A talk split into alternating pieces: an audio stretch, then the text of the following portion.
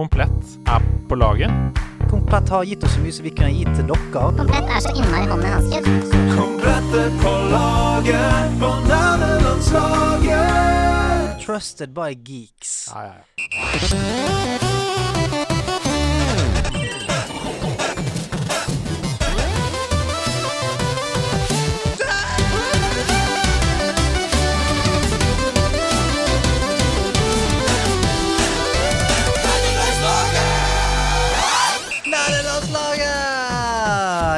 Nerdelandslaget! Da, her sitter vi i, på episode 99. Hvis ikke noe helt sinnssykt skulle skje den neste uken, så klarer vi pinadø med 100. Hjertelig velkommen til Nerdelandslaget. Mitt navn er Stian Blipp, og foran meg i en nylig Yoshi-T-skjorte så sitter han eh, som Yoshi sjøl. Glam! Andreas Hedman. Bondeopprør! Er det, er, det er catchphrasen. Og en hot potato om dagen. Watch! Bondeopprør! Jeg kunne sagt det når jeg kom inn i et rom. Det hadde mm, Ja, men Har du gjort det hver gang? Da har du blitt litt sånn han gutten som skrek ulv. Det Er sånn, er det bondeopprør nå, eller er det bare noe han sier? du, Nå har du sagt det siden 1988, Ja, Andreas. ja. Eh, Er det, er det mm, er det for slitt frase nå, eller? Ja, Ja. Du, du tar fra de folka som faktisk gjør bondeopprør, eh, poweren sin. Det er veldig sant, for det går ikke an å ha opprør i så lenge. Det er sant. Det er helt sant. Det, Men- det blir du sliten av. Ja, og jeg fikk med, Det var gøy at du sa at det var en hot potato, for jeg har jo fått en melding som følger catchphrasen. Og det Ja. får jeg som regel. Uh, instrukser. Gjør dette, lat som du står på toppen av et fjell. Mm -hmm. uh, hold deg for nesen mens du gjør dette. Sånne ting. Men denne uka så står det de fleste har nok Unnskyld, jeg må lese på dialekt, Fordi Ja. det skal man gjøre. Når man Kan du gjøre det, da? De fleste har nok fått med seg at det ble brudd under årets jordbrukforhandlinger. Eh, hadde vært fint med støtte fra nederlandslaget. Oppfordrer alle til å signere under oppropet på opprop.nett slash bondeoppror for å støtte den norske bonden. Jeg er sjøl bonde og håper jeg kan fortsette å produsere nok mat, men for at det skal skje, må lønnsomheten gå opp. Vi trenger bonden for at kjøttet skal gå. Oh. Hilsen Trazer. Og det er så sant! Jeg har en god kamerat som jobber som bonde. Han er jo med, er med på dette bondeopprøret, og har um, også skrevet det på Facebook med liksom bondeopprør på profilbildet og sånn. Og det er sånn Nå har han holdt på med den gården, og de jobber uten tull, da. 16 timer i døgnet, liksom. Altså det jobbes og jobbes og jobbes i tre år. Han har gått 4500 kroner i overskudd. Ja. Det er ikke det store. Altså, Nå er jeg ikke noe mattegeni, men det er ikke det store. Jeg har hørt at det er ikke det store. Så det må selvfølgelig bli bedre vilkår for bøndene. Ja, så, så du sneik inn litt, eh, litt eh, politisk agenda, du, nå i Eh, Ikke min. Trazer. Trazers Ja, politiske ja. agenda. Men hvem er det som velger disse catchphrasene? Ja, det er et Jeg har et sånt tombola. Wheel Er det tombola?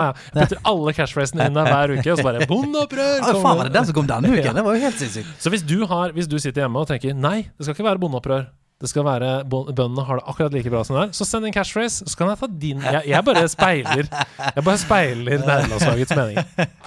Du, eh, godt å se deg. Mhm. Godt å se deg. Eh, hvordan, hvordan du, altså, nå ser vi hverandre oftere og oftere. Ja, ja, jeg var hos deg i helgen, jeg. Ja, Og hvorfor var jeg det? Eh, Du var her fordi vi planlegger noe sinnssyke greier. Altså nå, har vi, nå driver vi og har flere eh, panner uh, og kjeler på kok. Mm -hmm. uh, og selvfølgelig, det, den tingen vi jobber jo nå mest med, er jo denne 50-timers-streamen Oi, som vi skal sette i gang med. Sammen, Hva er det vi har gjort? Ja, det er helt, det er helt sinnssykt. Altså, vi kjørte tolv timer i fjor. Forfjor. eh, For en stund siden for Unicef, og da husker jeg vi satt jo livløse i stol etterpå. Vi var, vi var helt eh, Det var ikke et fnugg av energi igjen. Det, Uten hår på kroppen, uh, i kjole. Ny tatovering. Uh, ja, ja, ja. og så det at vi nå tenker sånn Hva med 50, da? Ja. Eh, er jo veldig gøy. For det, det, jeg synes det, det er noe gøy med å ta fatt på en sånn umulig oppgave. Mm. Men altså, formålet er så bra at vi, vi har jo kunne egentlig hatt lyst til å gjøre det i 100 timer, men vi, Ja. vi begynner med 50. Ja. Det er sammen med Mental Helse Ungdom. Mm. Mental Helse Ungdom og eh, vi har jo lyst til å se om vi kan hjelpe så mye som mulig, vi i nederlandslaget, for at de får hjulpet de som trenger det nå eh, etter pandemien. Mm. 100% Så vi skal stå i det i 50 timer. Vi er ti stykker som skal rullere. Og det er bare de som er på en måte i base-teamet. Kommer det til å ramle inn folk her og der. Det kommer til å bli god stemning her på House of Nerds. Um, 28. til 30. mai. 28. til 30. Twitch og TV. Det stemmer. Altså, det, det skal gis vekk sinnssyke ting. Det er forferdelige straffer. Mm. Det er underholdning du ikke har sett maken til! Mm, Live postsortering med Ida Horpestad. Ja.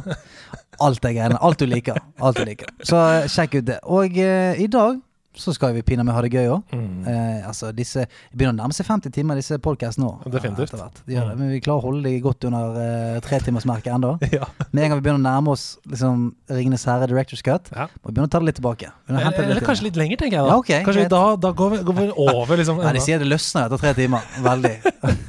Men apropos det, kan vi ikke bare ta igjen uka sist? La oss bare gjøre det. Det er Ikke noe vi skal vente. Nei.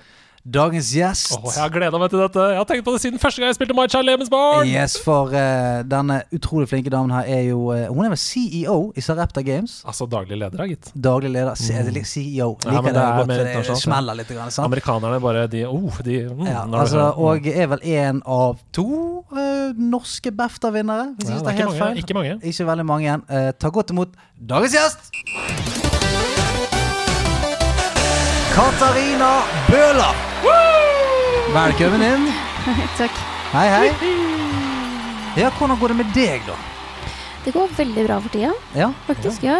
Vi eh, driver og jobber med flere spill, og til og med en oppfølger til uh, Marcel Lebensborn. Mm. Oi, wow! Og uh, nettopp ansatt et par nye mennesker, og ja. Okay, Vet du hva? business is booming. Mm. Det må jeg bare spørre om right off the bat. Fordi jeg har hele tiden tenkt sånn at hvis jeg ble uh, daglig leder av noe, så må det være det, den beste følelsen. Det å liksom se sånn, vet du hva. Nå har vi mulighet til å utvide. Vi har mulighet til å gi noen en jobb, sånn at de kan jobbe med det de brenner for. Og, og liksom vokse. Det må være så digg følelse. Ja, det er ganske kult. Uh, nå er det så klart også visse ting som når man får altfor mange kule søkere, og så må man si nei til noen. Det er mm. også er forferdelig.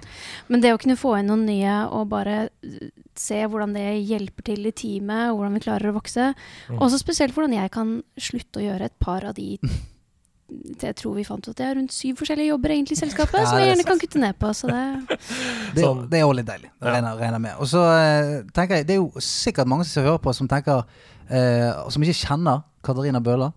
Eh, så har du lyst til å bare si kjapt hvem du er, og hva du driver med, sånn at alle henger med? ja. Så um, 35 år gammel eh, kvinnfolk eh, som bor i Hamar. startet selskap for ti år siden sammen med 14 andre. Er daglig leder, er spilldesigner, er spillforfatter blitt nå også. Um, ja. Så kan vi ta de, vi kan ta de trilling fra Kløfta. Er du trilling? Er trilling. Er du trilling? Hvordan, hvordan vet vi da at det er den ekte Katarina Bøhler som sitter her, og at, og at du ikke er på en av de andre syv jobbene dine? Og, det er derfor du klarer syv jobber! Ja, ja, ja. Oh, shit. Hvorfor, var ikke hun nettopp i møte i Shanghai? Wow. Ja, det er veldig, veldig gøy. Ok, men eh, jeg, jeg, jeg klarer ikke å slippe det helt. Ok, trilling. Eh, jeg føler, jeg føler liksom, Det er jo kjedelig. For alle som er tvilling og sånn får de spørsmålene der. 'Å, har det skjedd noe sykt i oppveksten?' og sånt. Men trilling det er aldri Jeg tror jeg aldri har snakket med en ekte trilling før. Ja, nei, nå, nå er vi treeggede, så, så vi ser ikke så like ut. Ok, Ja. Så er dere Så- tre søstre, eller er dere en liten Søs- blanding, da? Søstre, ja. Tre søstre, ja. Mm. Det er ganske bra jobba, ass. Bare for, sånn, for å zoome litt ut her. Og greie på en måte Nå skal ikke jeg ta dine foreldre inn i, inn i miksen her, men å greie å befrukte tre egg i samme Ja, for jeg, jeg tenkte mer sånn å, å overleve i opp, altså, Å oppdra de, tenkte jeg var tøffere. Ja. Jeg tenkte på selve prosessen. Ja, men du tenkte selve. Det, Mm. den, det skal jeg lære deg mer om senere, men det er ganske sånn kjapt gjort. Sånn, hele den prosessen. Men den prosessen etterpå så er litt tøff. Eh, Ja, oh, ja, ok. Ja, mine foreldre skulle ha to barn. Mm. Først så fikk de broren min. ja. Å nei. Og det var ikke prøver eller noen ting, så det var ikke noe De kunne ikke De ante ingen fare. Det var så, bare the magic of life som Oh, yes, yes. Og da klarte, fikk han plutselig tre små søstre som han måtte oppdra og, og, og, og ja, lære opp innenfor eh, alt som var nerd. Ja. Altså, jeg, han hadde en stor jobb foran seg. Eh, viktig jobb. Men for meg så virker det som han gjorde en kjempejobb. da Her sitter en CEO i et spillselskap. Ja. Good job! Veldig good job. De andre søsknene dine, endte de opp med å, sp- med å på en måte bli eh, like nerdete som deg, eller har de gjort andre ting i livet? Ja, nei, de har gjort andre ting i livet. Eh, min eh, yngste søster, hun er eh, lærer. eh, og kunstner, men også cosplayer. Ja, sant? Så Og- har det nerdegenen i seg. Ja, ja. Og mellomste, hun er uh, mellomleder og selger, og somehow klarte å få alle people person skills. Ja, altså, hun er helt uh, Hun er et sosialt megavesen. Oh yeah. Men uh, det er så veldig gøy at man sier sånn den yngste, for det er snakk om minutter her, ikke det? Ja. Ja. hun yngste er 14 minutter yngre enn meg, og hun mellomste er 9 minutter yngre enn meg. Ja. Så er det sånn, det er er lillesøsteren min.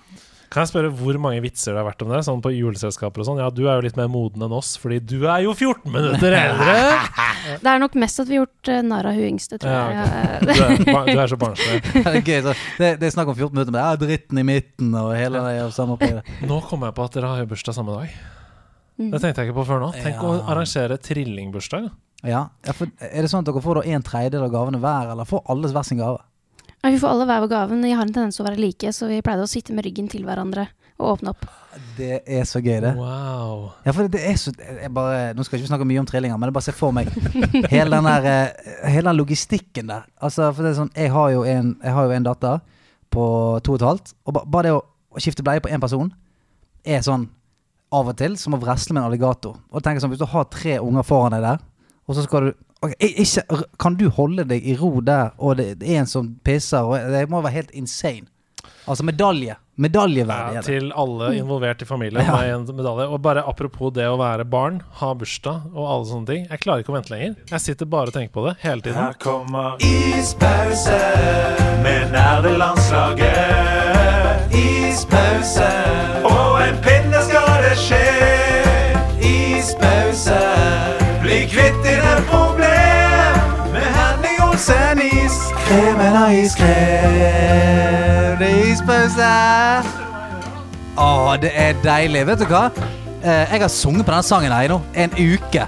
Jeg går rundt omkring Jeg Var oppe i Senkveldstudioet og sang på denne sangen her. Jeg har fått den her på hjernen. Martin Herfjord, ditt lille geni.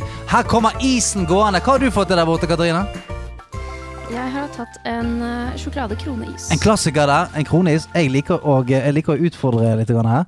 Her er det Å, denne firkløveren som Grunde tok tak i forrige gang, den skal jeg smake med på nå. Eh, Freia firkløveris her nå. Greit. Ja, du tar en friskis, du. Sant? Du, du jeg, liker, liker lyden. Jeg liker lyden av is. Åpne den. Ok, så du, du, eh, tenkte at jeg, jeg holder det safe i dag, Katarina. Ikke noe sånn uh, sprelsk is. Jeg går for en kronis. Ja, men faktisk, eh, når jeg var på togstasjonen, så hadde jeg tenkt å kjøpe en kroneis, og så, og så rakk jeg ikke før toget gikk, så da var det egentlig helt uh, drømmescenario. Det var meant to be. Hele det opplegget var meant to be. Eh, altså, vi har jo et samarbeid med eh, Henning Olsen Is. Og eh, isen er jo én ting. Det elsker vi å kunne spise is her i studio. Det er fantastisk. Men det andre er at vi får lov, eh, sammen med de, å, å gi vekk spesielle koder til de som hører på denne, eh, denne podcasten her. For Henning Olsen, de har en kampanje hvor du kan på en måte skanne QR-kode. Og så er du med i trekningen av eh, gratis is eller eh, effekter osv. Mens vi har lagt inn en hemmelig kode helt ned på bunnen av den siden der. Hvis du, scroller, hvis du vet hva du leter etter, så kan du scrolle helt ned, trykke på et lite easter egg. Der kommer det et kodefelt, og den koden som du skal putte inn der, den får du nå straks. Og da er du med i trekningen av fem sånne sinnssyke bokser som står rett foran meg der. Der er det merch, der er det en DualSense-kontroller fra PlayStation 5. Det er all the good stuff. Og på siste dagen så skal vi lodde vekk en PlayStation 5. Det er en ekte PlayStation 5 i Yes. den ene boksen. Så du kan melde deg på, du òg. Hvis ikke dere har det på kontoret allerede, da, oppe i Serepta. Det kan jeg ikke si noe om. Nei, Nei, nei, nei. Det er, I can neither confirm or deny. Det er greit. Ja, nå forklarte du jo veldig godt konkurransen her, så jeg bare går rett på kodeordet. Gjør det, ja. Ukens kodeord er Og nå må vi ha sånn P4-lyd. Sånn Ok, greit. Eh, ja, ja, ok, skal jeg ligge litt sånn uh, Ligge litt uh, Ville millionær her? Ja. Ukens kodeord er Isen går. Isen går. Med Å eller to A-er? Med, med år. Med å. Med Å, ja. Isen, Isen går. går. I ett ord. Med capslock. er det et slags eh, Ringenes herre-ordspill? Isengard? Checken under habis jo Isengård og Isengård! Isengård! Nei, det, okay. er, det, er ikke noe, det er ikke noe ordspill i det hele tatt. Det er bare isen går. Um, Og så kan, kan, og så kan vi si også at eh, det er jo noen rundt omkring i landet som har slitt med å finne disse QR-kodene. For det er, ikke, Ja. det er ikke sikkert at eh, alle lokalbutikker i, i, eh, utkanten har fått de. Men der har selveste Anders Henning Olsen vært inne på discorden og lagt QR-koden der. Sånn at vi som er inne på discoen der, vi kan bare skanne den derfra. Mm. Så sånn? gå inn på. Podpreik-gruppa på Mm. um, nederlandslagets Discord-server. Gå på festede meldinger. Der ligger QR-koden. Hvis du ikke har en butikk da å Ja. gå til. Oh, Men Stian, Mm. du må unboxe den boksen. Ja, ja, ja. ja, ja. Du må unboxe den før, Ok. før, før vi går videre. Ok, nå, det som ja, Det er altså en For å beskrive, da. Det er jo en svær kvadratisk boks. 60 ganger 60 cm eller noe sånt. Altså, jeg kan gå ned i. Ja. Nå åpner Stian boksen her. Han plukker opp. Hva er det første han tar opp av boksen? Ja, sånn, her er det for det første mye Jeg tror du må hente mikken og ta den bort til fjeset ditt. Det er jo sånn, eh, det er jo sånn radio fungerer. Ikke det? Du må ha mikrofonen til fjeset. Det, jeg har jo på meg disse klærne her nå, for at vi har jo laget eksklusiv eh, Nerdelandslaget Henning Olsen-merch. Så her er det eh, en hettegenser som er dritfet. Det står 'Not all heroes wear capes'. Mm, er. Eller- med noe pixel-is på. Jeg har, altså, jeg har på meg dette nå. Det driter jeg å gå med. Det er vel en shorts, en joggebukse, T-skjorte. Mm. Eh, masse, masse snadder her. Og det kommer jo selvfølgelig i tillegg til alt det andre snadderet som er oppi her. Og boksen i seg sjøl, mener jeg Altså, Da jeg så at vi skulle gi disse vekk, så tenkte jeg kan vi beholde en sjøl, eller? Anders, hvis du hører på, vi må ha en til. Ja, vi må, ha, vi, vi, vi må ha en som vi kan ha eh, på kontoret, på en måte. ja. Lagre ting oppi. Vi har jo altså vår sånn eh, lootbox. Den, den har vi snekret sammen helt sjøl. Dette her er jo den ekte lootboxen. Ja, ja, det er sant. Altså, eh, Så, men det er også, for jeg, vi glemte å si det forrige gang, det er gavekort på is oppi der òg. det Det er ganske fett. Det er Skal ganske ikke vi trekke en vinner, da? Jo, det er jo folk har jo meldt seg på i tusentall, i hvert fall hundretall, Ja. uh, i løpet av uka som har gått, så vi er nødt til å trekke en vinner. Jeg har putta eh, numrene som uh, de har fått her, inn i en random number generator. Dere ser at det ikke er noe tull. Jeg trykker nå på generer. Det kommer opp et tall. 862. 862. 862. Da må, da, da, må jeg, da må jeg gå til lista her. 862. Okay, okay, Hvem er 862? Nå, dette er så spennende! 862. Her er 862. Det er Vent litt, vent litt. vent litt, vent litt. Si det. Malin Immerslund! Malin Immerslund får seg en sinnssyk kasse med en uh, DualSense-kontroller, med noe sexy one of a kind Henning Olsen nederlandslag swag, og selvfølgelig gavekort på is, så du kan kose deg i hele sommer. Wow! Gratulatore. Gratulatore. Ok, dere. Da uh, har dere fått ukas kodeord. Hvis dere ikke husker det, så er dere nødt til å spole tilbake. Og jeg har den store gleden av å kunne uh, spille av den lyden som jeg har blitt så veldig glad i, og stille det spørsmålet som jeg har fått lov til å spille. Stille. Mm, spille. Spille. Stille. Spille. Katarina. Vi vet jo at du jobber med spill. Vi vet jo at uh, du spiller, åpenbart. Hvis ikke, ikke- altså man kan ikke spille fotball altså man, ja. Jeg gidder ikke å si en metafor der, men hvor begynte det? Hvor, hva var ditt første spill? Hvor var på en måte Hvor begynte det? Hvor ble ild tent? Vel, um, som sagt så har jeg en eh, eldre bror, og han var skikkelig gamer. Mhm. Så jeg kan huske at jeg og mine to søstre satt Fikk lov til å være veldig stille og sitte i rommet hans og se på. Dere fikk lov til å være stille. Ja. Og se på han spille eh, det første Zelda-spillet. Oi! Mm. The Legend of Zelda. Legend of Zelda, ja. Og så gikk det i eh, Men husker du noe fra det? Fordi det er sånn mm, mm, Det første mm, Zelda-spillet jeg har noe særlig minne fra, det er Link to the Past. Um, men det første, aller første Legend of Zelda, hvor det er sånn eh, It's dangerous to go alone. Take this sword.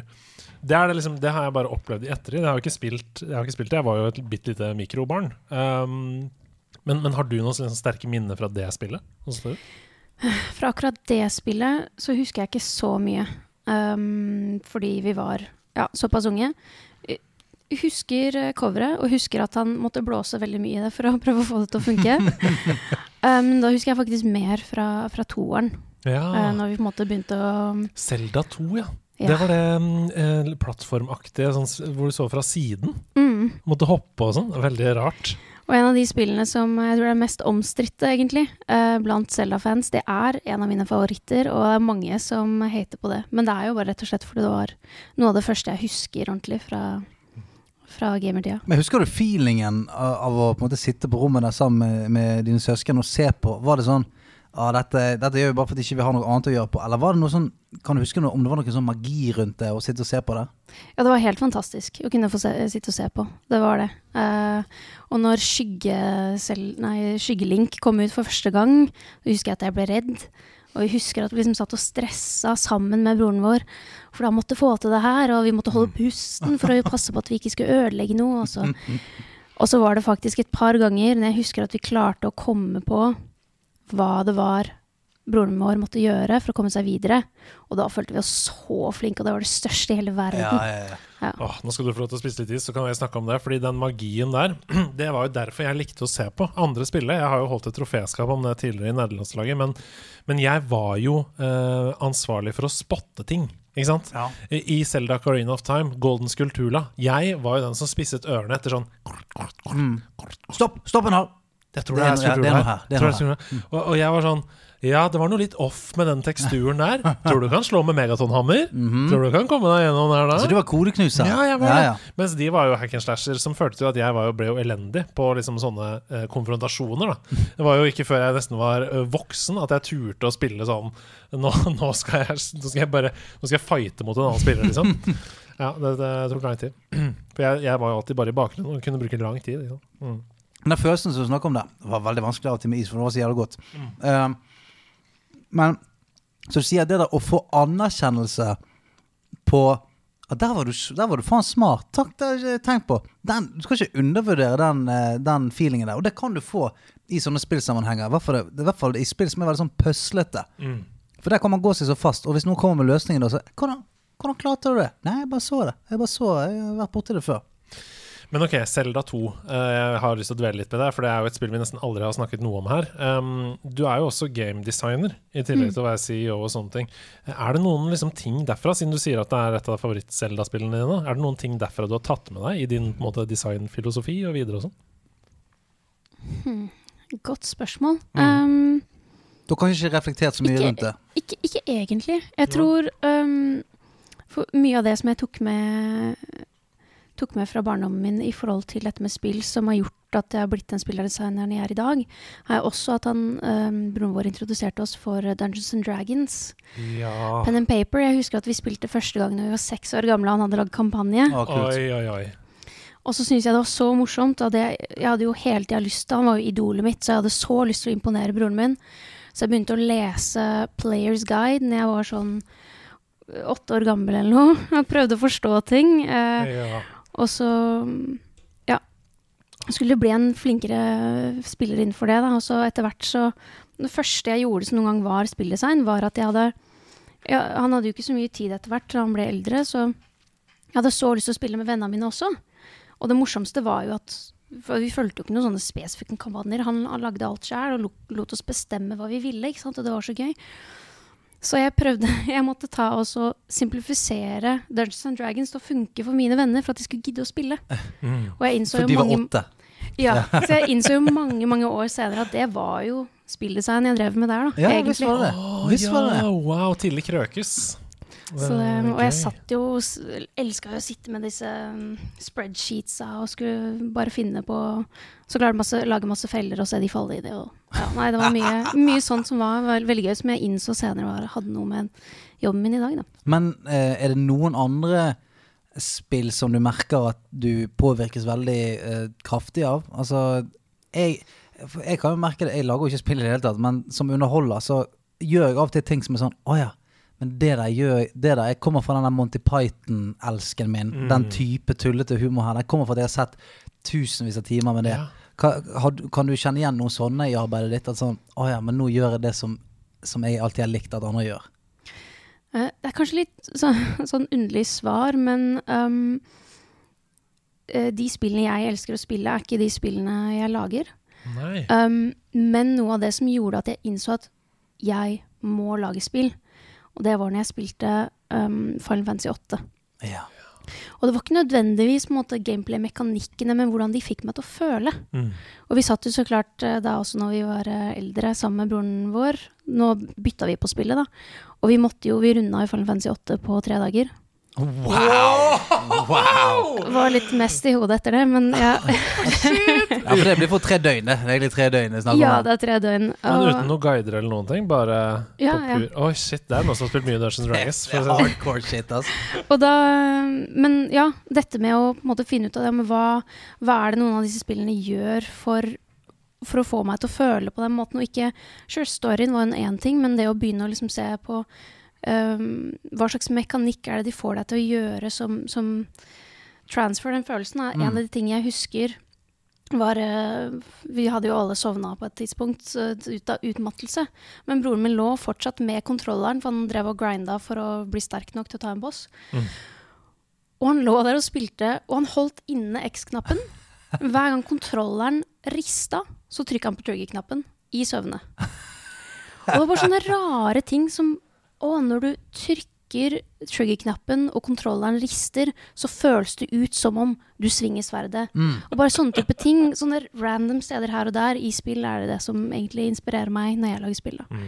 Ja, for det, det du snakker om der, eh, har, jo, har vi preget mye om, både på og av podkasten. Men det, nettopp dette her, den kunsten det er å få noen til å føle noe gjennom spill. For mm. historien kan være helt fantastisk, men det er ikke sikkert at du føler så sterkt, selv om du kan si sånn Wow, det var en dritkul historie og sånt. Mens noen spill bare gjør at du Du har, du har ikke lyst til å forlate den gjengen. For det er sånn, faen, jeg er blitt så glad i de og den personen har jo nettopp mistet en. Og det er sånn, du, du føler nesten at jeg har lyst til å være der for den personen. For det, Hvis ikke jeg er der, da er jeg jo helt aleine. Og, og hva, er, hva er hemmeligheten for å få til det, tror du? Hadde jeg visst det, så hadde jeg bare lagd det Ja, slaget ja, ja. for slaget hver gang. Ja. Ha mye empati, Ja. Kanskje. Altså bare den å skulle prøve å sette seg inn i um, folks følelser. Um, men ja jeg, jeg, føler noen ganger så er det å være litt ikke være, ikke være redd for å være litt pretensiøs. Mm. Uh, ikke være redd for å se litt på andre sjangere. Det er jo mange spill som for eksempel eh, En ting uh, som jeg ofte får litt flack for når jeg begynner å snakke om og har lyst til å putte det inn i visse spill eller prosjekter, det er for eksempel quicktime events. Ja. For det kan jo gjøres Ja. veldig, veldig feil. Uh, og at folk bare tenker 'Å nei, å god, ikke quicktime, la oss ikke gjøre det'. Det var vel God of War det som begynte med det sånn eh, i, i tidlig drakt. Eh, Ja, selv om jeg føler også at uh, f.eks. Final Fantasy 7 og 8, når du har disse limit breaksa, Ja. og det blir skikkelig epic, spesielt Stemmer når Tifa skal begynne å pamle fienden, ja. de type quicktimene der, Ja. det, det Ja, føltes tidlig i da. Ja, ja, Ja, ja. at du, kan, du kan enhance en ability ved å faktisk treffe riktig og time riktig og alt mulig. Mm. Ja. Mm. Det samme gjelder jo på en måte Du kan jo kalle uh, Paper Mario eller, uh, eller Super Mario RPG, uh, som er sånn time eh, Eller turn-based, da. Når, når du skal hoppe på fienden med Mario hvis du treffer på akkurat riktig tidspunkt, hvis du trykker X på akkurat Ja, riktig tidspunkt, så får du ekstra damage. Ja?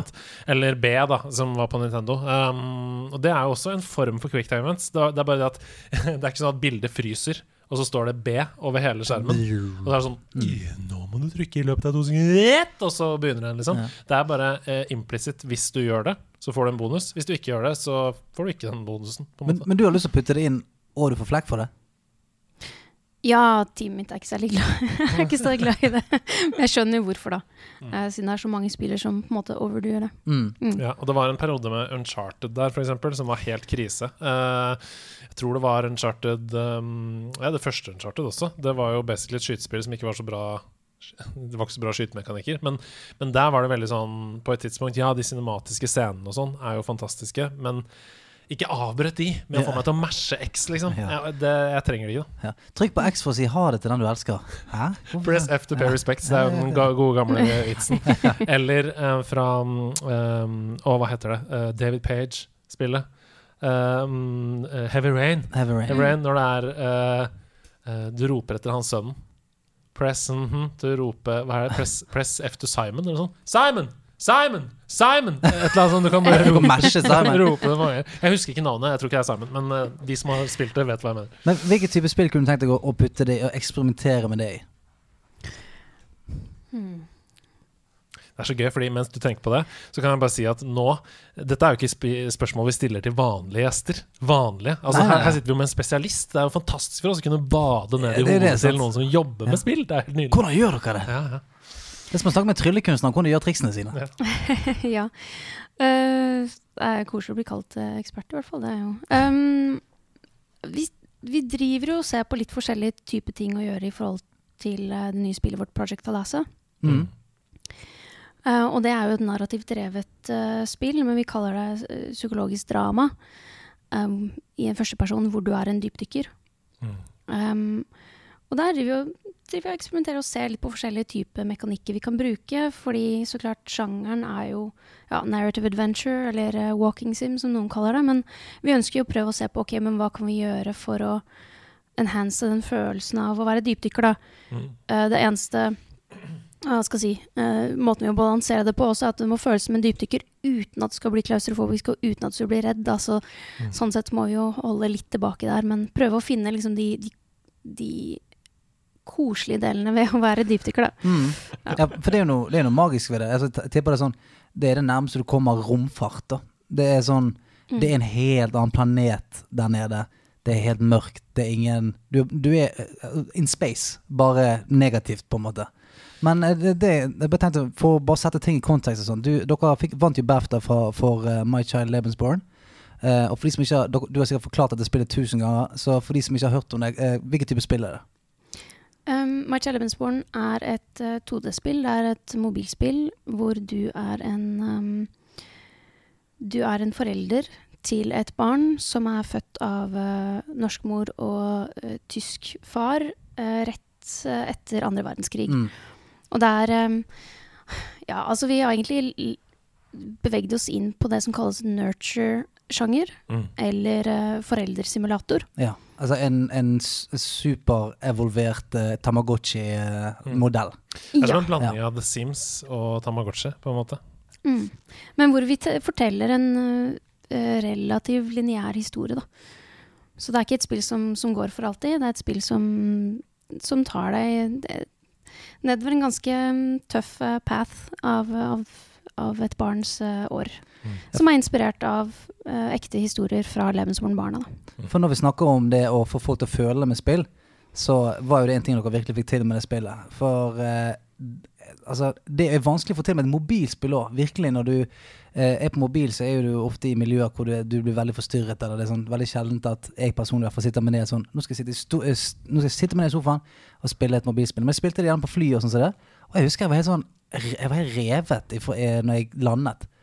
Nettopp pga. det at sånn de spørsmålene du blir stilt gjennom spillet, de beslutningene du må ta, hva du skal fortelle, alt var sånn Helvete, jeg må slå av spillet nesten. Jeg, jeg, klarer ikke, jeg klarer ikke å ta det valget. Um, og Fikk dere noen tilbakemeldinger uh, på det i etterkant av at det sånn du, Dette spillet er for tøft, liksom. Så det var vel ingen som sa at det var for tøft, bortsett fra at jo så klart at det var eh, Jo, eller OK. Så for um, unge fedre um, Altså fedre med unge barn. Det var flere som faktisk sa at det der klarte de faktisk ikke å spille ferdig, for at det bare gjorde for vondt. Ja, Jeg, jeg er jo i den sjangeren. Ja. Så det um, mm. Men da har, da har jo man klart noe mesterlig. For å ta tilbake til det. Man har klart noe som er helt insane vanskelig. Og det er å gjøre nettopp det der. At et spill kan gjøre at du, du ligger våken om natten. Du, altså det påvirker deg i real time. Eh, det er helt fantastisk. Og for det vant jo dere til slutt en, en BAFTA. Kan, kan du fortelle meg litt om den prosessen der? Det er så svært. Jeg må bare Ja, må hylle det. Vi må, Ja, vi vi må må, hylle- stoppe det. Ja, det, er, det skjer aldri, ass.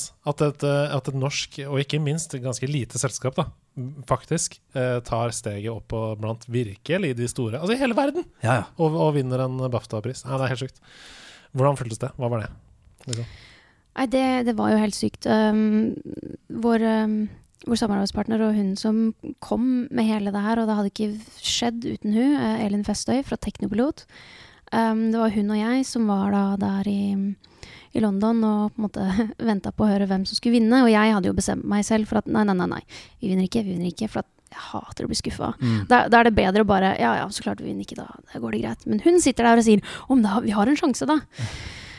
Og da, når vi skal gå opp, når, når de sier navnet, navnet vårt, og vi skal opp, så er jeg helt tom innvendig.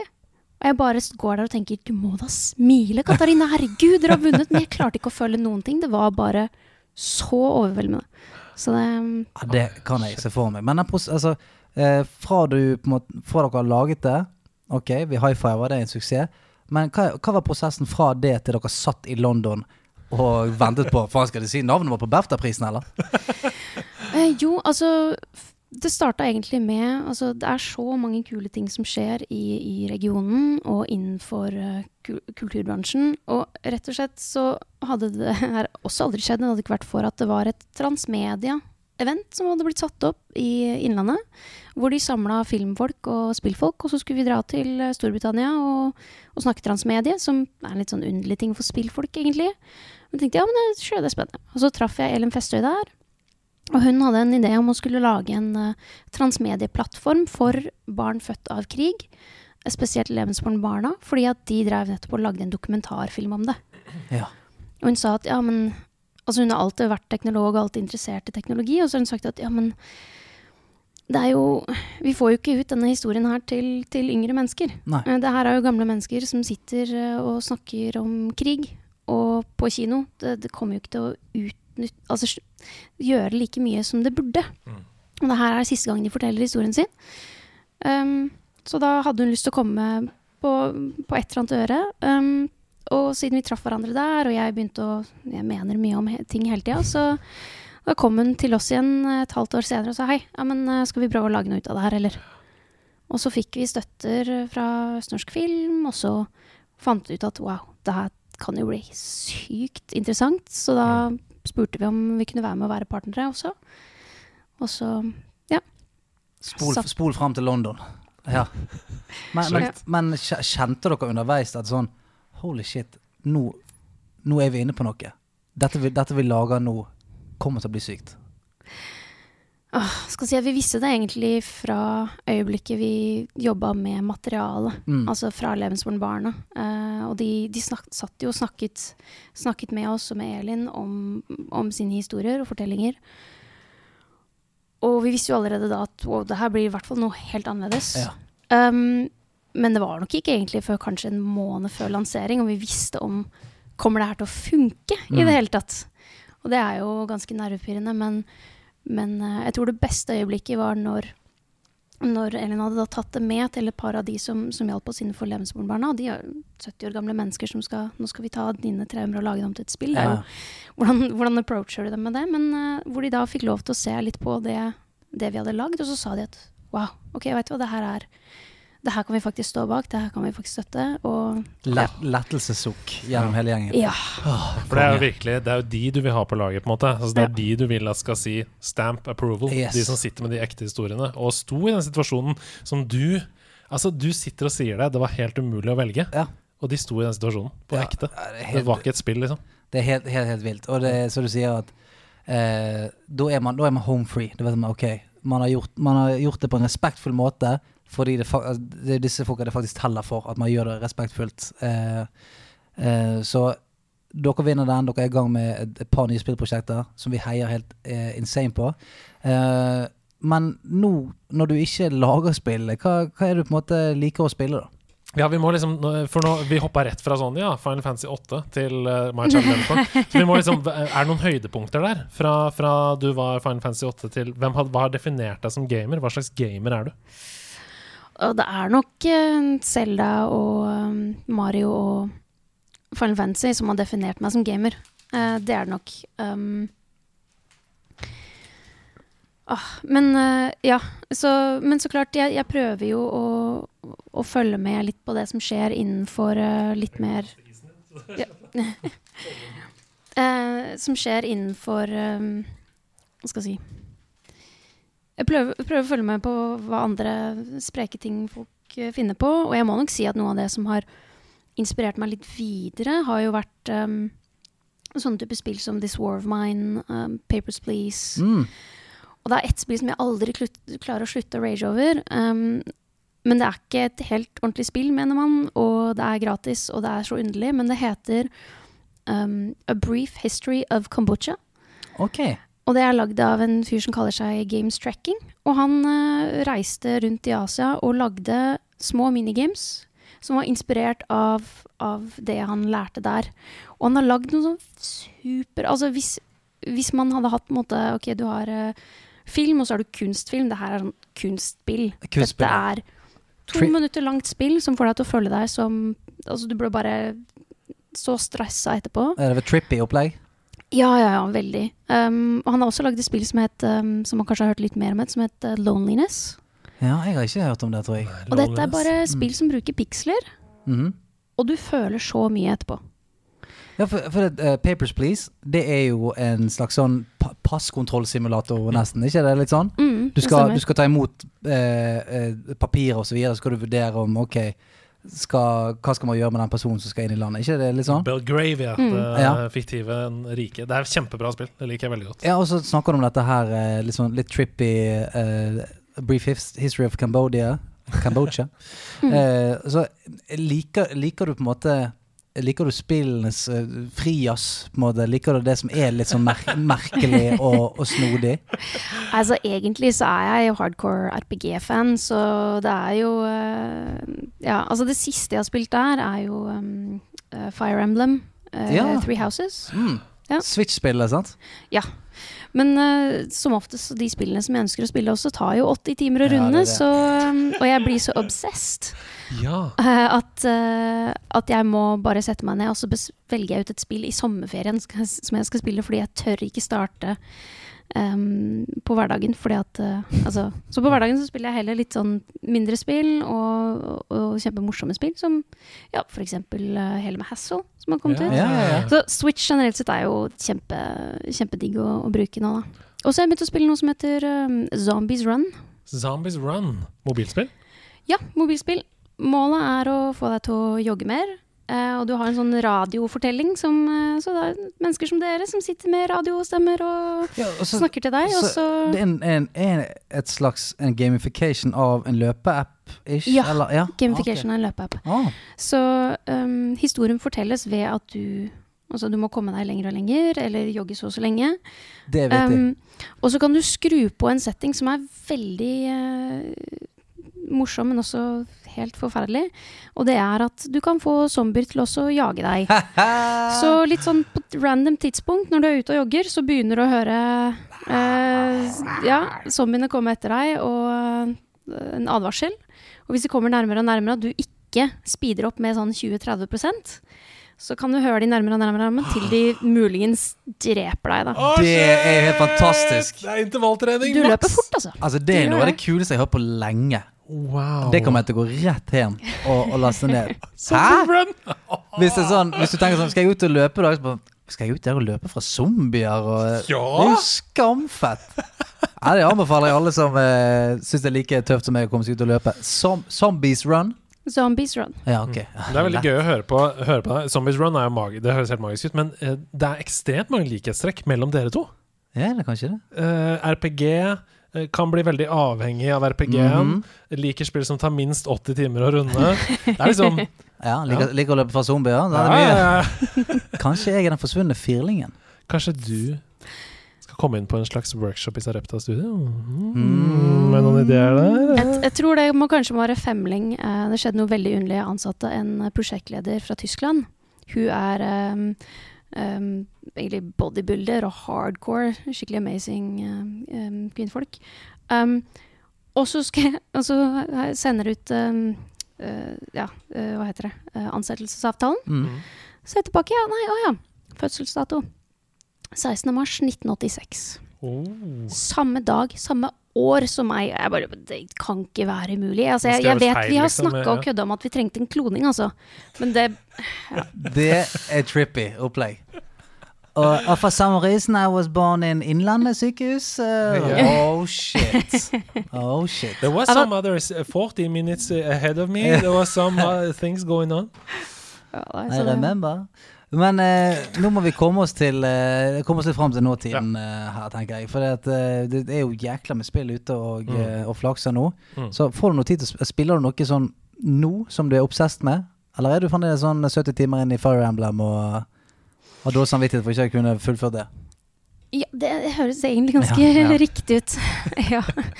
Um, ja, nei det, nei, det har mest, for det meste vært det, eller um, spille spill som, um, som kanskje er mulige konkurrenter, eller som jeg kan ta inspirasjon fra. Så det er, uh, går mye gammelt, altså. Det, det er litt underlig at uh, når man er så glad i spill, og da har lyst til å lage spill, så rekker man kanskje ikke å spille like mye spill som man skulle ønske. det er jo et paradoks til det. For jeg kan se for meg at hvis du er på en måte eh, altså, knee deep i spill hele dagen, og det opptar hodet ditt, og hvordan skal jeg gjøre det det Så et eller annet med å, å ta, opp, ta opp og spille igjen, så er det sånn Å, stemmer, er vi på jobb igjen? Åh, nå fikk jeg den følelsen som jeg fikk etter at jeg hadde jobba noen år i TV. Som var sånn det er ødelagt for meg, da. Hvis, Ja. for, jeg elska å se på reality-serier før, uh, men nå ser jeg bare sånn Å ja, det er sånn de har gjort det. Der står kamera. Um, Dette de er bryter- tull, ja. dette er Eller sett sånn, nå sier regi Åssen opplevde du det? Altså, Ja, ja. Sånn synk-situasjoner og sånn. Og Alt blir bare ødelagt. Og du, det er akkurat som at du ser forbi rekvisittene og ser at det bare er teip på baksiden. Ja, ja. Skjønner du hva jeg Ja, det er som å se den usynlige snoren til tryllekunstneren. Ah. Og få bruke den igjen. Bare sånn, det er bare en snor. Å, shit. Men jeg håper du fortsatt koser deg med å spille spill, da. Ja, det gjør jeg. Og faktisk, jeg har hatt en veldig god mulighet til å spille spill, har jeg innsett nå. Og det var jo at jeg var um, Jeg ble bedt om å være BAFTA-dommer igjen i år. Boom! Oi, oi! Ikke Så jeg tenk på det. BAFTA-dommer nå i to år. Uh, og da fikk jeg um, uh, være dommer for um, uh, debut. Oi. Så var det Carrion spilte jeg, blant mm. annet. Eh, kjempegøy. Um, oi, nå sitter jeg faktisk litt fast på det. Mm. Men ja, det husker jeg mest fra som jeg var sånn wow, det her må jeg spille etterpå også, var Carrion. Um, For Hvor mye tid får du med hvert spill som dommer? Ish. Er, det en sånn dere, bør, må- dere må spille én time pluss av spillet, eller no, er det noe sånt? ja, de vil jo helst at man skal spille ferdig. Ok. Ja, sant, Um, ja. jeg prøver å i hvert fall bruke tre timer per spill. Mm. Og hvis det er noen spill som jeg ikke klarer å fullføre, fordi det er noen av de som er um, vanskelige, så prøver jeg å se så mye av, som mulig av det på YouTube. Da. Mm. Mm. Og se litt reviews og andre, på en måte hva de har reagert på. Da. Ja, for det der må jo være helt uh, Altså, det der må, det der må være tøft. Altså og, og, for det, det har sikkert noe med rekkefølgen man spiller de på òg. Sånn, hvilken feeling man får. Hvis man, har hatt, uh, hvis man begynner på det tøffeste spillet, så er det sånn ah, litt sliten på andre spillet. Alt det der hadde noe å si. Som uh, Gi oss noe innside her som BAFTA-dommer. Eh, jeg tror det varierer fra, fra dommer til dommer. Jeg prøver å holde meg til to spill om dagen, da, også, sånn at jeg ikke blir på en måte, ja, som du sier, lei. Da. Ja. Um, og ja, nei. Um, og så prøver, går jeg egentlig bare alfabetisk nedover. Altså. Bare for å prøve å ikke skulle Hva skal jeg Velge, liksom. Ja, ja, ja. ja. Ja, for det har vi merket noen ganger. Vi har hatt uh, forskjellige spalter her uh, med, med å og sånt. Og så noen ganger så er jo hverdagen helt crazy busy. Så er det sånn, ah faen, vi må teste det spillet før i morgen. Og da er av og til den innstillingen til det spillet, det er sånn, jeg må bare spille det til i morgen. Og da Mm. er innstillingen din helt annen. Og hvis du spiller det spillet om en måned igjen, og du er sånn, ja faen skal jeg plukke det opp igjen. Når du er på en måte i en slags sånn åpen, hva er dette for noe? Du har overskudd, du har energi, du er liksom Det er et helt annet spill, Mm. plutselig. For det er ikke bare sånn, nå må jeg bare komme meg av Det er ikke lekser, liksom. Nei. Mm. Og jeg, bare sånn, jeg, må, jeg må bare chugge meg igjennom det. Det er ikke det store. Men hva med deg, da? Hva spiller du om dagen? Oh, du spør meg hva jeg spiller. Ja, om dagen. ja, jeg spiller jo uh, uh, Jeg har liksom Jeg spilte en Apex Legends-turnering. Wow. I Det, jeg, jeg så på. E-sportutøver. Ja. Mm. Det var gøy, det. Du var helt rå på et tidspunkt der, og dere lå jo helt oppe på topp fem. På ja, vi var det. Vi var på fjerde-femteplass på et tidspunkt. Uh, så det var jo Det var jævlig gøy. Altså, jeg har ikke spilt kompetitivt dataspill siden Byland i 2004. Eh, da var vi med Counter-Strike-laget der. Så det var veldig veldig gøy å bare kjenne på den der eh, Oi, jeg sitter og svetter i hendene eh, når jeg spiller. Det var dritdeilig å kjenne på igjen, og nervepirrende og alt mulig. Kjempe, kjempegøy. Og så har jeg eh, fått eh, knokke selvfølgelig noen timer med The Good Old Dragon Quest. Kom meg litt videre der. Eh, og så har jeg lastet ned Resident Evil Village. Så jeg har hatt på en måte holdt på å trykke X et par ganger, og så har jeg sagt nei. Ikke faen. Ikke i kveld. Det er ikke, det er ikke kveld i dag. Eh, livredd for det spillet. Jeg vet ikke hvorfor. Altså Før var jeg, jeg møtte jeg eh, skrekkspill med, med null frykt. Gikk rett inn, knuste gjennom alle Silent Hills, Resident Evil, Svandustas. Men nå merker jeg, etter å ha spilt eh, Resident Evil Biohazard, så denne frykten i meg jeg, jeg vet hvor redd jeg kan bli. Så nå med The Village jeg, jeg, jeg må samle liksom en gjeng hjemme hos meg. Og sånn, skal vi bare spille Oi, vi kan spille dette her, da. Bare sånn at folk sitter rundt meg og kan trøste meg hvis de skal spille det. Hæ, jeg trodde det var Mario Party vi skulle spille. Ja. Kan Ja, ja, Vi kan jo bare se hva dette er for noe. Å, helvete! Så det har jeg spilt, og så Jo, så jeg knokket ja, Ikke noe nevne, men en time til da på Nier replikant, Replicant, Ah. rett og slett. Mm. Jeg, altså, jeg er jo litt sånn som deg der. Jeg ender opp med en kjempebacklog på spill, og så er jeg sånn Bare dårlig samvittighet som driver meg. Før da spiller jeg kanskje ja, mest det spillet jeg har lyst til å spille, og så rett før jeg skal på en måte slå av PlayStation, så sånn jeg, må, jeg bør bare knekke en liten time inn i det der, så jeg blir ferdig med det en eller annen gang. Mm. Så da er det liksom bare på dårlig samvittighet. Og det var sånn nier eh, denne uken. Nei, Jeg må bare ta spille en liten time. Mm. Så det har jeg spilt. Du da, Yoshiman? Du, jeg er så heldig, for jeg spiller rett og slett bare fantastiske spill nå. Bare fantastisk spill. Det er det Så til alle de som hører på, uh, take notes, fordi her får du rett og slett fantastiske opplevelser. Og til deg også, hvis du ikke har spilt uh, Katarina. Så du, sier, du, du, du setter deg selv som fasiten? Du, Det er det jeg gjør. Ja, det eh, og i mange sjangere, for jeg spiller It Takes Two, og det driver jeg og streamer sammen med min kone Camilla på eh, Twitch. Og det blir jo bare bedre og bedre og bedre. Det er så stappa med masse kreativt eh, level design. Masse overskudd. Jeg blir, jeg blir helt sjokkert av å spille det. Det er jo ti spill i ett spill. Mm. Altså, um, Foreløpig så har det vært et tredjepersons skytespill, det har vært et puzzlespill, det har vært et plattformspill, det har vært et bullet hell-spill, sånn som Returnal. Um, og alle de forskjellige spillene opplever jeg da er blant de beste i sin klasse. Um, og det er helt, man er helt avhengig av å spille det med noen andre. Man utfyller hverandre, og historien drives framover av et sånn deilig narrativ om å finne tilbake til hverandre og sånn. Som jeg, jeg syns er helt uh, magisk. Så jeg er soleklar Game of the Year-kandidat. Eh, for meg. It, It Takes Two. Uh, og jeg ble veldig inspirert av det du sa om å prøve ut uh, ting fra andre sjangere og sånn, i uh, f.eks. Quicktime Events og sånn. For er det ett spill som har gjort det, da, så er det jo It Takes Two. Um, og de er jo veldig de har, altså, Det er en takknemlig oppgave, for det er jo et tegneserieunivers, og alt kan skje, og barnets fantasi og sånn, så de kan jo liksom bare køle på med hva de vil, uten at man stiller spørsmålstegn. Men det er veldig deilig, det. Jeg anbefaler det, altså. Helt å- nydelig. det. Og apropos da, Returnal, som jeg nevnte litt mm. inni der. Det spiller jeg masse om dagen. Eh, jeg tenker jeg skal gjøre sånn som jeg eh, gjorde med Disco Elysium, at jeg kommer tilbake til den og runda det. Um, for det er også en Game of the Year-kandidat, men det er liksom ikke så mye å tilføre. Jeg, nå bare grinder jeg, på en måte, Ja. sånn som forrige uke. Ja, kjør, kjører runs. Ja, det er akkurat Ja, det. mm. Men nå har jeg kommet meg gjennom Jeg har runda Disco Elysium. -hmm. Um, Hvor mange timer brukte du? 25 timer. Ikke gale.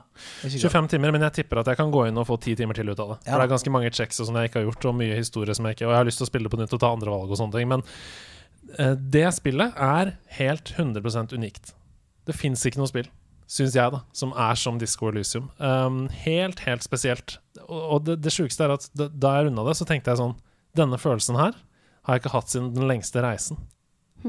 På Da jeg var barn, liksom. Har har du spilt det, Katarina? Disco Elysium? Ja, eh, jeg begynte å tenke på det når du snakket om dårlig samvittighet. Ja. ja For jeg starta å spille Disco Elysium, eh, og jeg tror åtte timer inn eller noe, så, så var det på en måte ikke ferie lenger, og så har jeg ikke klart å komme meg tilbake til det. Det er liksom det og Control som er liksom de to som, som er sånn Fikk starta kjempebra, digger det, men ikke kommet meg videre, altså. Nei, og de første fem til eh, åtte timene er jo knallharde òg, da, i Disco Elysium, syns jeg. Altså, Mye å lese, mye å ja, sette seg inn i. å sette seg inn i. Nå har det heldigvis kommet en final cut hvor alt av tekst er uh, voice.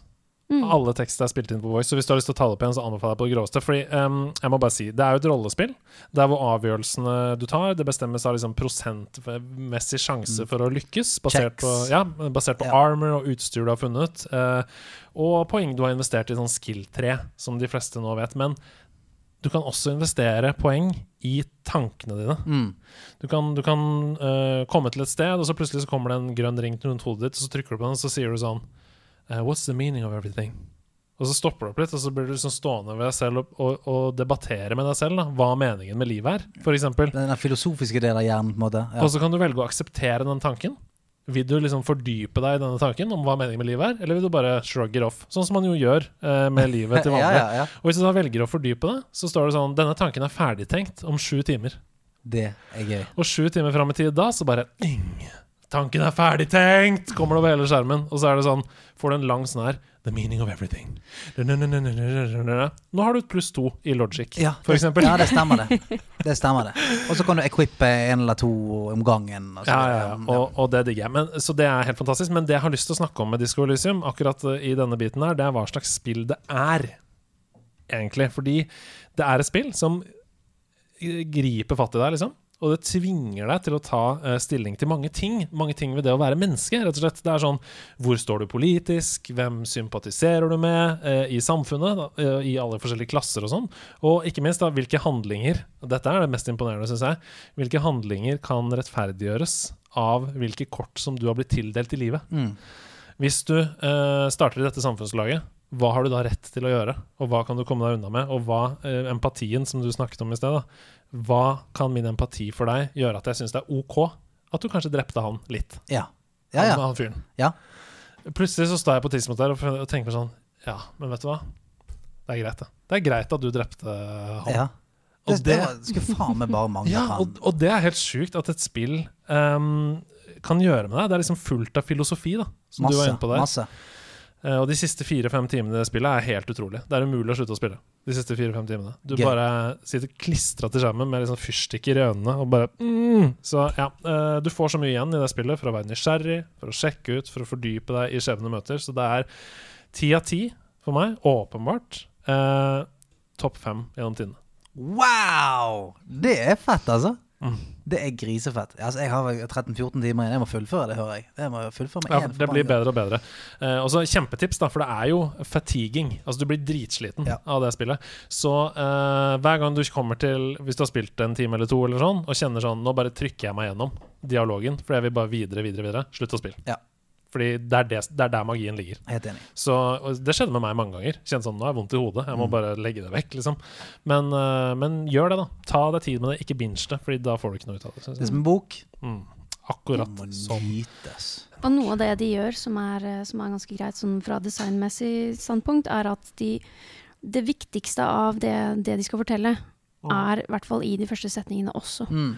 Så noen ganger så kan det være Altså, du må fortsatt lese, men du trenger ikke alltid ha så dårlig samvittighet for at du ikke leser Altså når de begynner å gå, gå inn og forklare de mest intrikate delene av deres samfunn, Ja, ja. så vet Så har de også sagt ifra at ja, men det viktigste står jo øverst, så, Mm. så man trenger ikke alltid få dårlig samvittighet for man ikke leser Nei, hele wallteksten Nei, heller. nei, for, jeg, for jeg refererte forrige gang til en sånn uh, Ja, du kommer inn, og så er det en sånn dame som snakker om båten sin, og hvem han tilhørte før, og han var jo tidligere eh, sjef for opprøret her liksom, i 19, og det er bare sånn OK, wow. Nå er det en historie her som jeg egentlig ikke er så veldig interessert i. Altså, sånn, hva han mannen din dreiv med på 40-tallet. Jeg Vi går videre. Og det er opp til deg da hvor interessert du vil være i denne historien. Ja. Uh, uten å spoile så møter du jo denne kvinnen som du refererer til, Mm. på andre tidspunkter i spillet. Ja. Og da er det jo sånn um, Hvis du da på en måte ikke har investert i hennes historie, så kan du bare fortsette å drite i hennes historie. Mm. Du trenger på en måte ikke det. da Og det er helt eh, genialt, syns jeg også. Fordi det gir deg valget som spiller. Hvis du da blir hekta, runder det, så kan du gå tilbake igjen. Og så kan du investere deg i hennes jeg historie. investere, Fordi ja, da er det sånn New Game Plus, baby! Ja, nå skal jeg faen meg finne ut av denne båten hennes. Jeg virkelig finne ut hvor han er. Finne ut alt om den. Så that's it. Uh, skal vi bare fyre Skal vi gire opp? Skal ikke bare gire opp. Trykke på gassen? Ja, trykk Tryk, på. trykk på gassen, på den. Det var en stille gass. Det var ikke, det var ikke noe Jeg bensin. skulle, jeg tror vi skulle skli rett inn i Jeg tror vi skulle skli rett inn i godsaken. Jeg. Ja, men da må du trykke på gassen en gang til. Ok. Ha med, ha med dag. Hey, hey. Ha med, ha med dag. Ha med ting etter ditt behag. Hva har du med, fru Bøhler? En føler. Føler du det bra? Hva har du med deg da? Hva har du med deg fra Sarepta? Ingenting, men det var jo kjekt. da. Katarina Bøhler hun har kjørt hele veien fra Hamar, hun. På veien så så hun noen epler og kanskje en gammel hund. Vet ikke hva hun har tatt med seg, men jeg håper det er noe fint. Nå smeller hun det opp på sitt bord, for det jeg har med deg.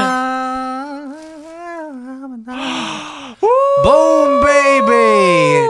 To, to stykker jeg har sett mye til opp igjennom. Det er eh, altså søren i PlayStation 1-casen til Final Fantasy 7 og Final Fantasy 8 Åtte, der. ja. Pluss noe Dungeons and Dragons eh, dice. Vi har uh, seks dicer, uh, 20-sided dice.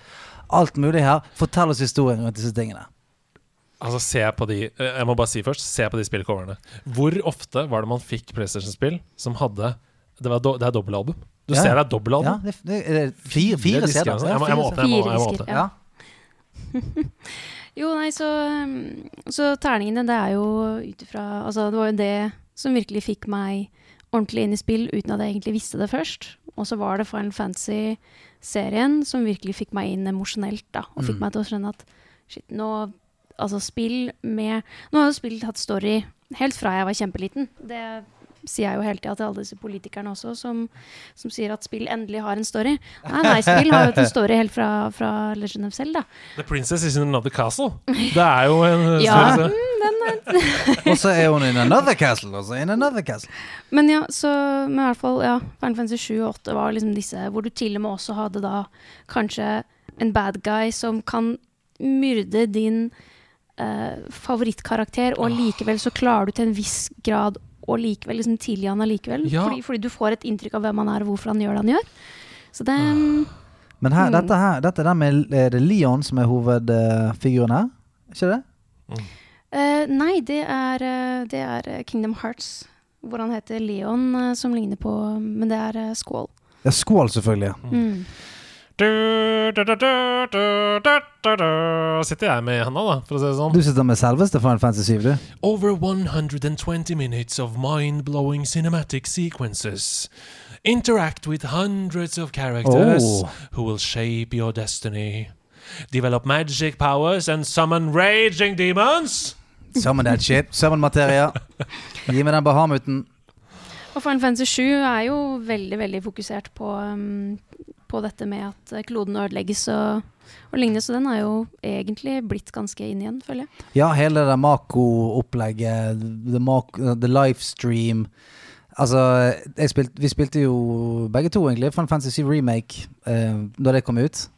Og da òg, eh, for jeg har ikke spilt Final Fantasy 7 nesten siden jeg var kid. Så jeg er helt enig med. Da fikk jeg jo denne Ah, stemmer. De var innpå de var innpå noe, de. Mm. Det, det må jo, jeg, jeg føler at det er en av grunnene til at de valgte akkurat det òg, da. Remasteret. For det føles relevant. Det føles 100 relevant, Ja, syns jeg, i 2020 og 2021. Ja, det, det er noen av de mindfuck-momentsene. Så Vi har også snakket om Death Stranding. Det å Ja. spille det sånn etter pandemien. What sånn, the hva, hva som skjer her? Hva er det som skjer? Hideo! Ja. You know, huh? Ja, you know everything. Ja. Han hadde ringt Bill Gates. Han hadde 5G. Han hadde ringt Bill Gates. Ok, Så dette her er det vi ser foran oss, og det er egentlig din, din lille origin story, på en måte. Mm. Det var, her, det var dette her som satt, uh, satt fyr på, uh, på en karriere som du nå nailer.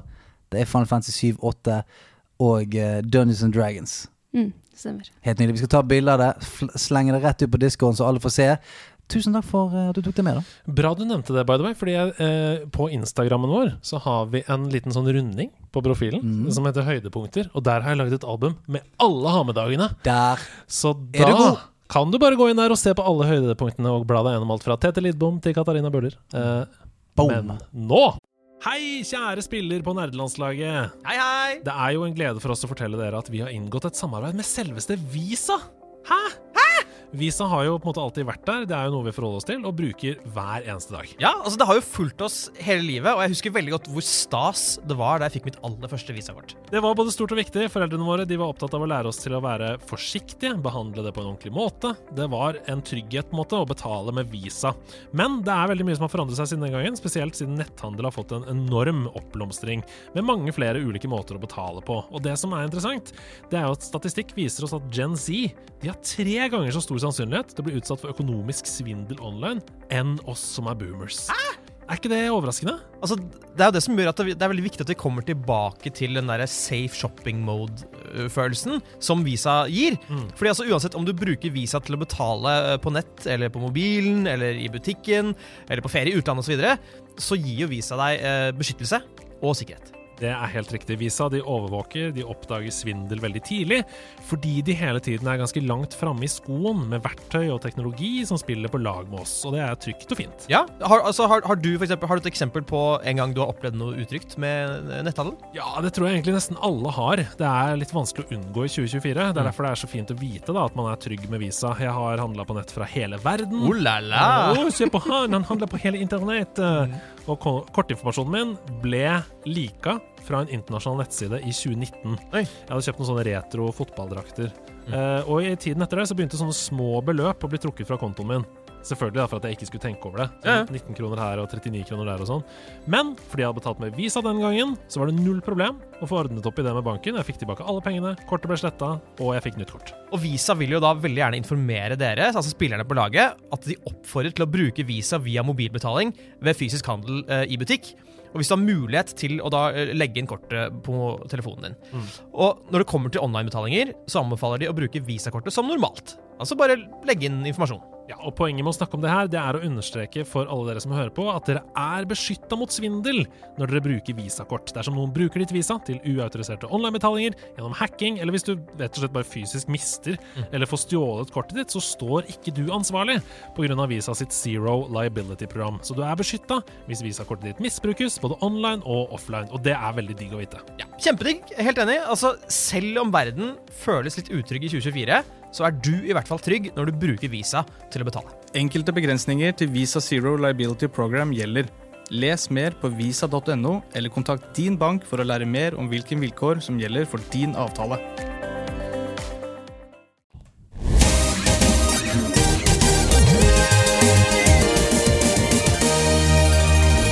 Nerd news her. Nerd news! Nerd news. A penny for your nerd news! Det kommer aldri til å bli kjedelig. Nei, Jeg liker å si det hver gang. Penny for you, nerd news. Nerd.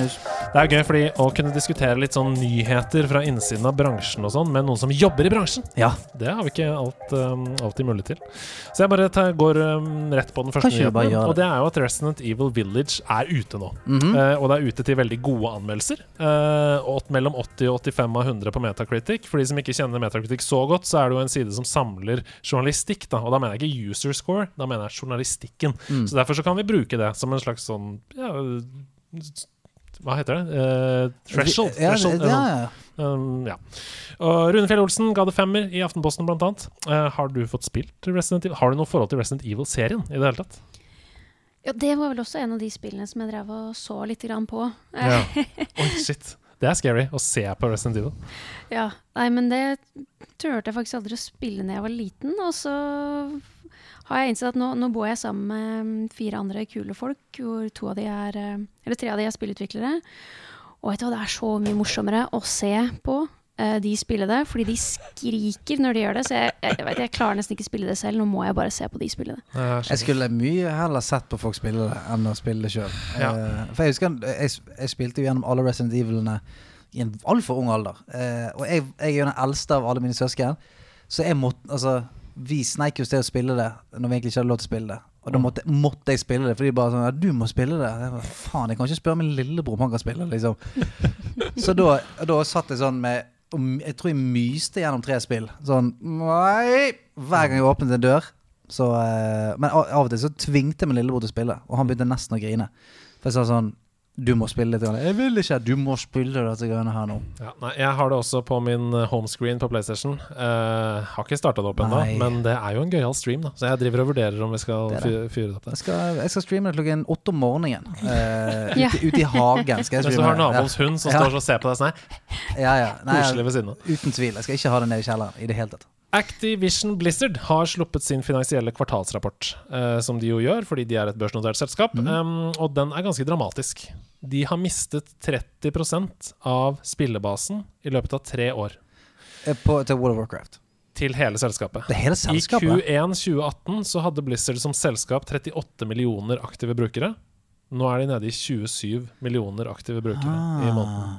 Eh, på tvers av alle spillene sine. Eh, det er altså 11 millioner mindre på bare tre år. Mm. ganske drastisk for et såpass stort selskap. Eh, samtidig da, så tjener de jo masse penger. Eh, man kan jo si at eh, kanskje de har eh, Hvis man skal være veldig eh, Hva heter det? Sånn Overskriftsbasert, klikkbasert, så kan man si sånn Tabloid. Tabloid heter det. Eh, De har, de har gått vekk fra de gode spillopplevelsene og implementert lootboxer og pay to win-mekanikker. Mm. Kanskje.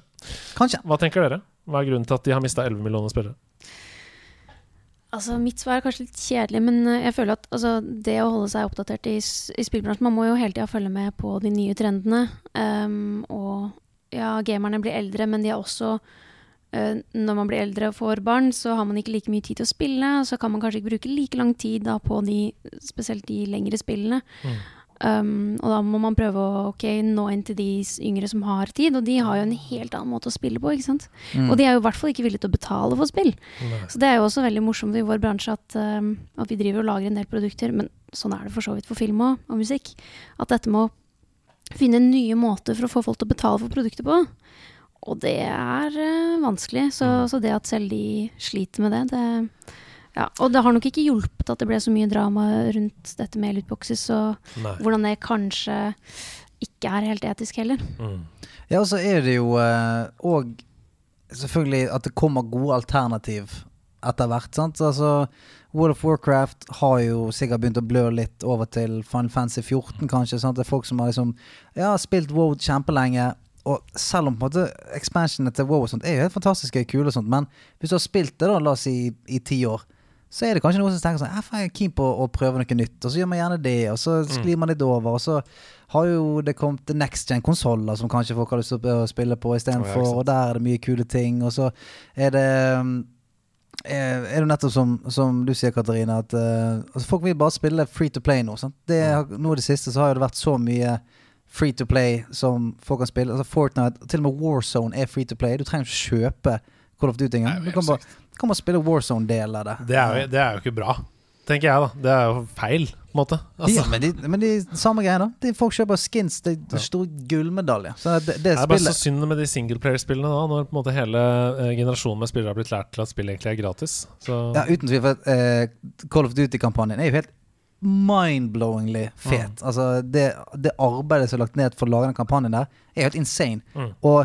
95% av de som spiller Call of Duty, vil aldri se det. For de spiller kun Battle Royale-delen. Altså folk, folk vet, de, de fleste kids i dag vet jo sikkert ikke at det finnes Her er det singleplayer på, på, på Warzone. Nei, nei, Warzone er bare en, en liten del av Call Ja. of Duty. Uh, ja, så har jo på en måte Overwatch har jo declinet litt. Grann, sant? Det har jo tatt for lang Hearthstone. tid. Ja, Hearthstone. Det har tatt for lang tid før det har kanskje skjedd noe, noe nytt der. Sant? Overwatch 2 skulle komme for en stund siden, hadde vi håpet. Uh, nå kommer jo TBC, da. Tipper jo at altså, releasen av The Burning Crusade kommer til å få en liten bump opp igjen til alle som falt av etter uh, classic-bølgen. Mm. Så et, de lider ikke noe nød, Nei da, Activision er Blizzard. De, uh, altså, de, er, de lever på hypen, og når Burn Crusade kommer, så kommer det til å booste seg opp. Overwatch 2 kommer til å gi det en bump. Altså, det er ikke synd i det hele tatt. Stadia, product head eh, John Justice, han har forlatt Google. Etter uh, å ha jobbet med Stadia siden 2019. Og det kan jo bety en av to ting. Enten så er Google veldig misfornøyd med jobben han har gjort med Stadia, eller så er han misfornøyd med Stadia og har funnet seg noe annet å gjøre. Um, jeg tenker, jeg tviler på når du går inn i et sånt stort prosjekt som det, da, lansere en spillkonsoll for eh, et av verdens aller største selskaper, så hadde du ikke tenkt at du bare skulle jobbe med det i halvannet år, liksom. Så um, jeg har lyst til å lese et sitat fra Reddit som jeg syns beskriver eh, godt litt veien videre for Stadia nå. Det var en som skrev her The questions I ask myself quite often is how long will Stadia last, and is Google really committed to the long haul of gaming? Gaming in its own right is no easy walk to survive in.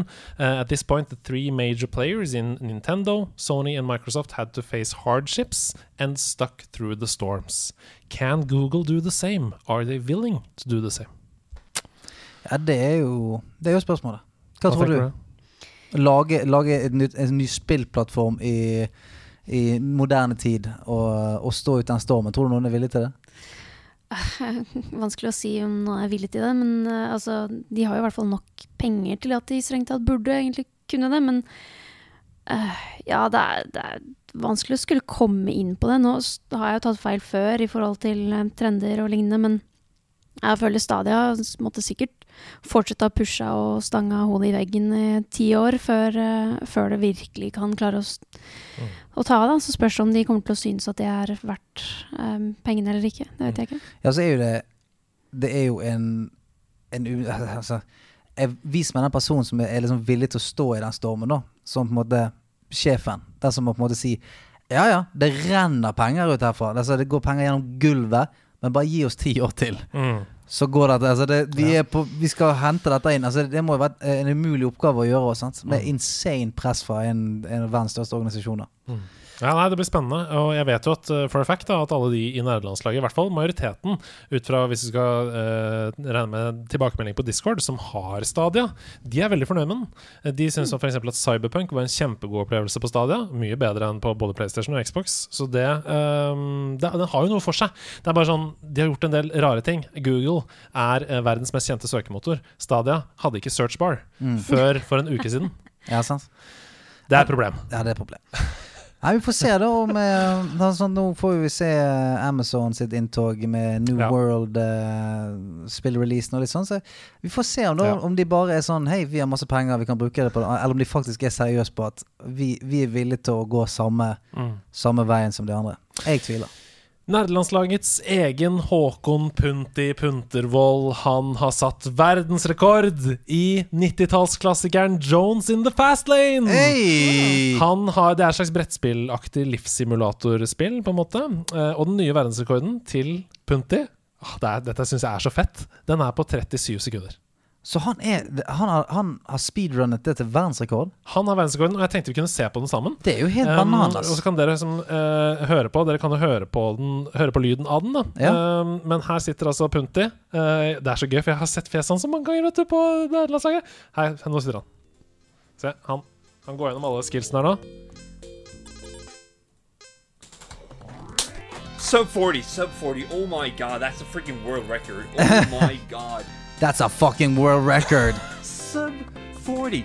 37 seconds? Are you freaking insane? Oh my god, yes, it's insane. world record, babe. World record, baby! Ah. Deilig. Jeg har, altså, jeg har sagt, det, sagt det der hver gang vi har sett noe speedrun. At det, det, må, det må være verdens sånn mest ensomme gren og, dri- å ta verdensrekord i. For det er bare sånn Hvorfor, hvor, hvor er konfekt? Hvorfor er det ingen som kommer og gratulerer meg? Du sitter bare aleine hjemme. Hvor er, hvor er pokalen? Hvem, hvorfor kommer ingen og hjelper meg her? Gratulerer, Punti. Fantastisk. Eh, tusen takk for at du eh, er så rå som du er. Eh, og nå gå sub 30, da vel.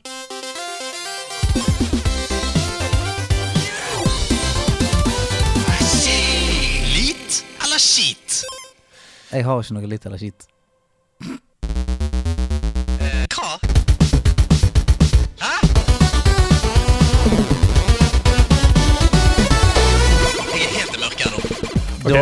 Skal det konkurreres. Nå sitter Katarina som et enormt spørsmålstegn, så vi er nødt til å forklare hva som skjedde her nå. Eh, vi har egentlig en spalte som heter Lit eller skit, der vi velger ut et par eh, ting fra gamingsamfunnet og avgjør sånn er det lit eller er det skit. For eksempel eh, motion controls. Er det lit, er det skit? Og så må man på en lynrunde forklare hva. Stian har ikke forberedt noe. Nei, det, vet du hva, det kom litt brått på meg her nå. Når jeg hørte den spalten, så tenkte jeg ah, det er det jeg har glemt. Så da Ah! gikk vi isteden rett videre til vår neste spalte, nemlig Bit for bit.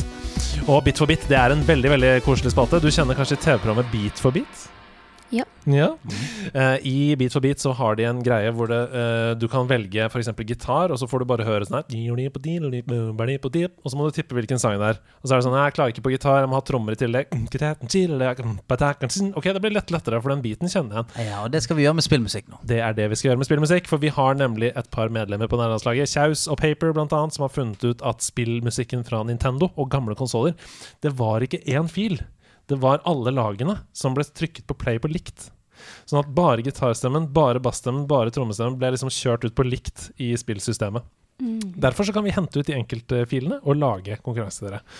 Om vi gjør å gjette det fortest, altså tre poeng for å gjette det på første lyd, og så faller det nedover derfra. Og vi er mot hverandre. Jeg kommer ikke til å holde noe igjen i deg. Nei, det er viktig at du roper navnet når du vet hva det er. Ja. Navnet ditt. Får jeg se om jeg klarer å huske.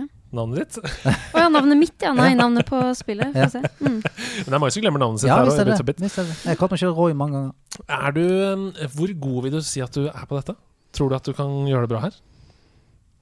Åh, vanskelig å si. Det er mye jeg kjenner igjen, men eh, det å huske navn på alle spillene, det er jeg litt dårlig på, faktisk. Da kjører vi i gang med første låt, første ledd.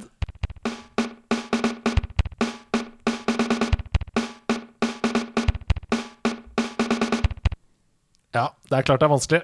Det er klart det er vanskelig. Det er bare en Stian. Ja. Donkey Kong. Oh, nei, det er ikke Donkey Kong. Det er det ikke. For jeg, jeg, eh, jeg tenkte var Nei,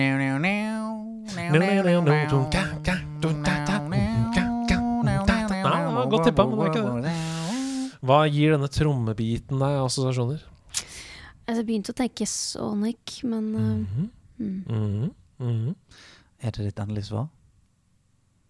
ja, får nesten være det. Nei, det er ikke riktig. Vi går til step to.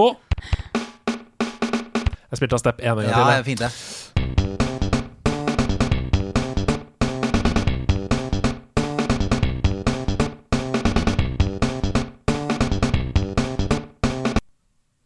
Ja. Hmm. Hvilken følelse får dere her? Hva slags sjanger føler dere at vi opererer i? Jeg føler jeg sier det samme hver gang, men eh, Skal jeg si det samme? Ja, hva da? Eh, jeg får vel Litt sånn at det er en, eh, det er en, det er en IP her. Altså det, det, er, det, er sånn eh, Ja, at det er typ sånn ja, Donald Mikke, oh, ja, fucking ja. McDonald's drive-through simulator. Et eller annet. Altså noe som Pepsi Man! Ja. Nei, det er ikke det. Å nei, så du, okay, du, vekk, du tar vekk hele den, Eller det er jo en IP. altså Det er jo en serie som har blitt flere spill. Ja, men det, er det er ikke sånn eh, Vi tar inn Supermann i Nei, det er det ikke. Okay. Um, Nei, det er det ikke. Takk for at du eliminerte hele den kategorien for oss. Ja, Det ja, ja, ja. oss. Ja. Katarina, har du noe på tung hand? Nei, ikke Nei. denne gangen, altså. Da går vi til ledd tre. Eller? Du ser, nå skjedde noe i fjeset ditt.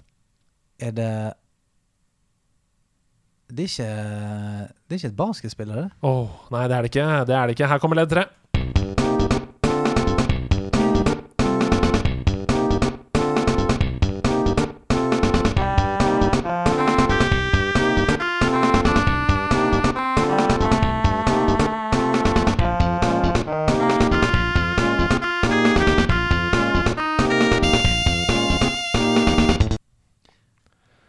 Dette er Super Nintendo. Vi skal til Super Nintendo. Åh, du er, du er så Nå tenker du? Men det, dette her kan jo faen meg Dette kan jo være Selda. Nei, det er ikke det. Hæ? Det er ikke det. Dette spillet var nok mer kjent, i hvert fall, det kan hende jeg banner i kirka nå, da, bare fordi jeg tar utgangspunkt i min egen generasjon, Mm. men jeg tror nok at denne, denne serien var mest kjent på Nintendo 64. Men den kom også på Super Nintendo. Jo, det, ja. Ja Litt sånn groovy synter der. Myke synter. Jeg trenger et svar. Um, Mario Kart. Nei, det er ikke det, men det er godt tippa. Fordi det er i, absolutt i samme ledd. Det er Pilot Wings. Nei, Dette er det? er Pilot Wings på Super Nintendo SNES. Har ikke vi hatt den før? Ikke akkurat den melodien. Ah, okay. Men det skal sies da at i Bit for bit så går jo noen av spillene igjen. Ja, ja, jeg skal, ikke, skal jeg, skal, jeg skal ikke krangle på det greiene der. Du må sende klagemail til Kjaus hvis du uh, misfornøyd. Ja, Hva er nummeret? 94, 94, 63, 94. Er sånn. Her er neste oppgave. Ja.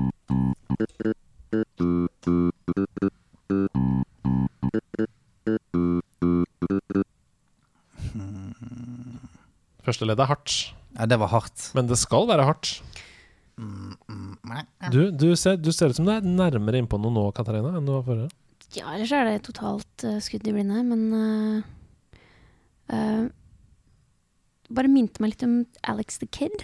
Oi, det, ja, det er gøy, gøy tipp. Det er ikke riktig, Det er ikke riktig, men det er, det, åh, det er et spill vi snakker for lite om. Eller den serien. da, Det er for lite. Jeg tipper det annenhver gang, bare for å være sikker. Bare for ikke, bare, bare for ikke bomme. Mm. Buble, eh, nå har jo Bubble Bobble røket, så nå kan jeg slippe å tippe det hver gang. Ja. Jeg går på Alex the Kid framover. Nei, vi skal til noe mye mer mainstream her. Trenger dere et ledd til, eller? Nei, bare gi meg ett. Jeg bare skal se om han kommer til meg her nå. Mm.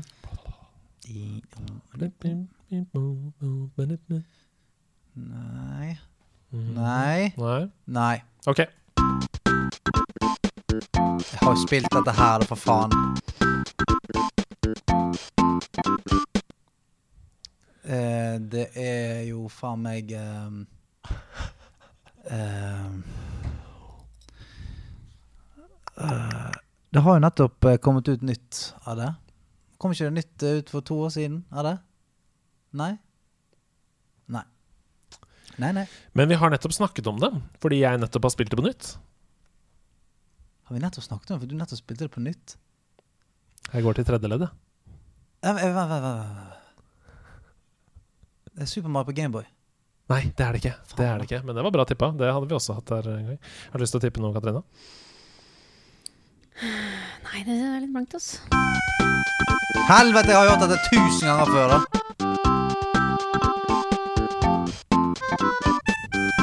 Er det kødd? Er du er klar, så- er du klar hvor mange ganger jeg har hørt den? Det som er vondt med Bit for bit, det er jo at man steker jo hjernen sin når man prøver å grave bakover, så uh, energien faller gjerne litt etter denne spalten, for da er man så ferdig i hodet etterpå. Men altså, det der er jo Det er som å høre en, en uh ja, det, er, som å høre Bær Bær Lilla. Jeg har den har jeg hørt tusen ganger før. Den, Ja, ja, den er ganske, den er ganske Jeg kan si at det er Nintendo, dette her òg. Ja. Super Nintendo, vel? Ja da, det er Super Nintendo. Du har nettopp spilt det på nytt. Har vi snakket om det i dag? Nei, ikke i dag, men for et par episoder siden. Hvor jeg sa dette har jeg gått glipp av i barndommen. Fordi jeg undervurderte det den gangen. Det, dette her er jo uh, Hell no, Jesus Christ. Her kommer svaret, folkens. Nei, jeg orker det ikke. Jeg beklager. Nei, dette her er um, Super uh, Mario World 2. Ja! Tenk at du henta det fram. Det er Yoshi's Island, Super Mario World 2. Uh? Og jeg, jeg knuste. Jeg trenger et håndkle og eh, et eller annet. Jeg tenkte at jeg egentlig skulle dra på med en oppgave til. Jeg. Ja, ja! Bare ja, for ja! uh. Mer Ja. bit for bit. Oi, der, oi der, der kom det.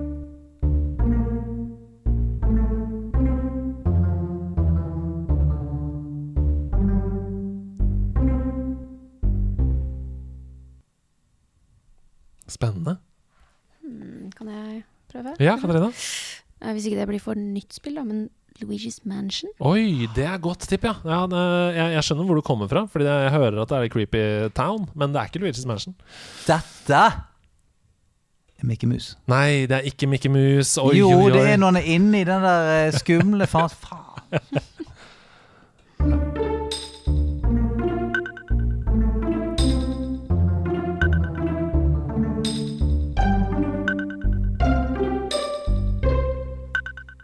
Stian, Ja. dette er Selda. Nei, det er det ikke, men, men nå, nå er du god. Jeg suger jo! Jeg sier bare ting! Nei, men nå er du god, si jeg er god, jeg sier bare ord. dette er tett på, du er tett på virkeligheten. Um, jeg, jeg er sikker på at en av dere kommer nok til å få en liten sånn pling på ledd tre. Det er jeg ganske sikker på. Mm.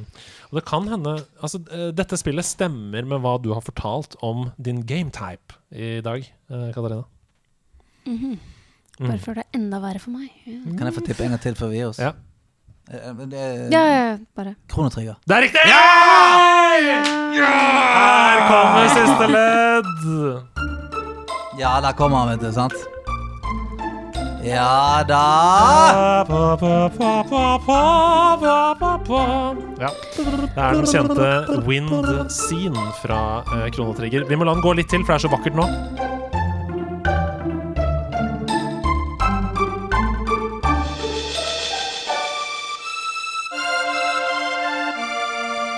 Altså, Hvis ikke du får Final Fantasy 7-vibber av dette her Mm. Altså, de, de lå the groundwork. Det er så, Se på gåsehuden. Ja, ja. Det står på armene. Å, for et vakkert, vakkert spill. Um, det var gøy å spille i Har det holdt seg? Har du spilt Chrono Trigger? Eh, jeg spilte det aldri da jeg var yngre. Mm. Uh, det ble Chrono Cross isteden. Ja, oppfølgeren. Mm. Uh, for Vi har spilt det i en spalte vi har som heter Har det holdt seg? Sånn, Mm. sånn, og det premisset kunne du plukket opp i dag og, og kost deg med det. på en måte eh, Og vi spilte det, og vi var sånn Ja ja, 100% Dette kan man Hvis du liker RPG, som jo du gjør, kommer du til å kose deg kjempemye med det. Så hvis du har en 80 timer til å legge fra deg så er det, er det bare å sette i gang. Jeg husker jeg begynte å spille det igjen på et eller annet tidspunkt. Uh, men det var også rundt den tida hvor vi hadde starta selskap, så det var ikke særlig mye tid til overs der, nei. Det er mye papirer Ja. og printe adgangskort. Og, Jeg skal spille et retrospill, eller skal jeg få shit up and running her? Ja. okay. Det er Ja. viktig, da, men ja. Jeg syns dere var gode i dag, jeg. Eh, Fordi dette er tøft. Bit for bit er tøft. Skal være Eh, tøft. Det er klart det er tøff, som folk så sier i moderne popkultur. Klart det er tøff. Det det. Um, så til dere som har lagd denne konkurransen um, Jeg håper uh, Altså, du klarte jo Du fikk to poeng på Chrono Trigger. Ja, jo takk. Mm. Men uh, det, det hjelper bare å si ut alle spillene man kommer på. Uh, bare skrik ut, så treffer han til slutt. Det er et godt hint til dere som hører på. Skrik ut alle spillene dere.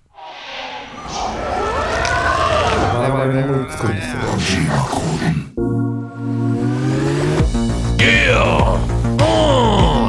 Hideo Kojima her i kroppen min!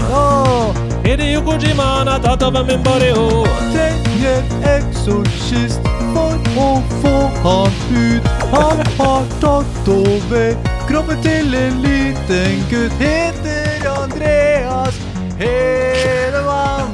Ja.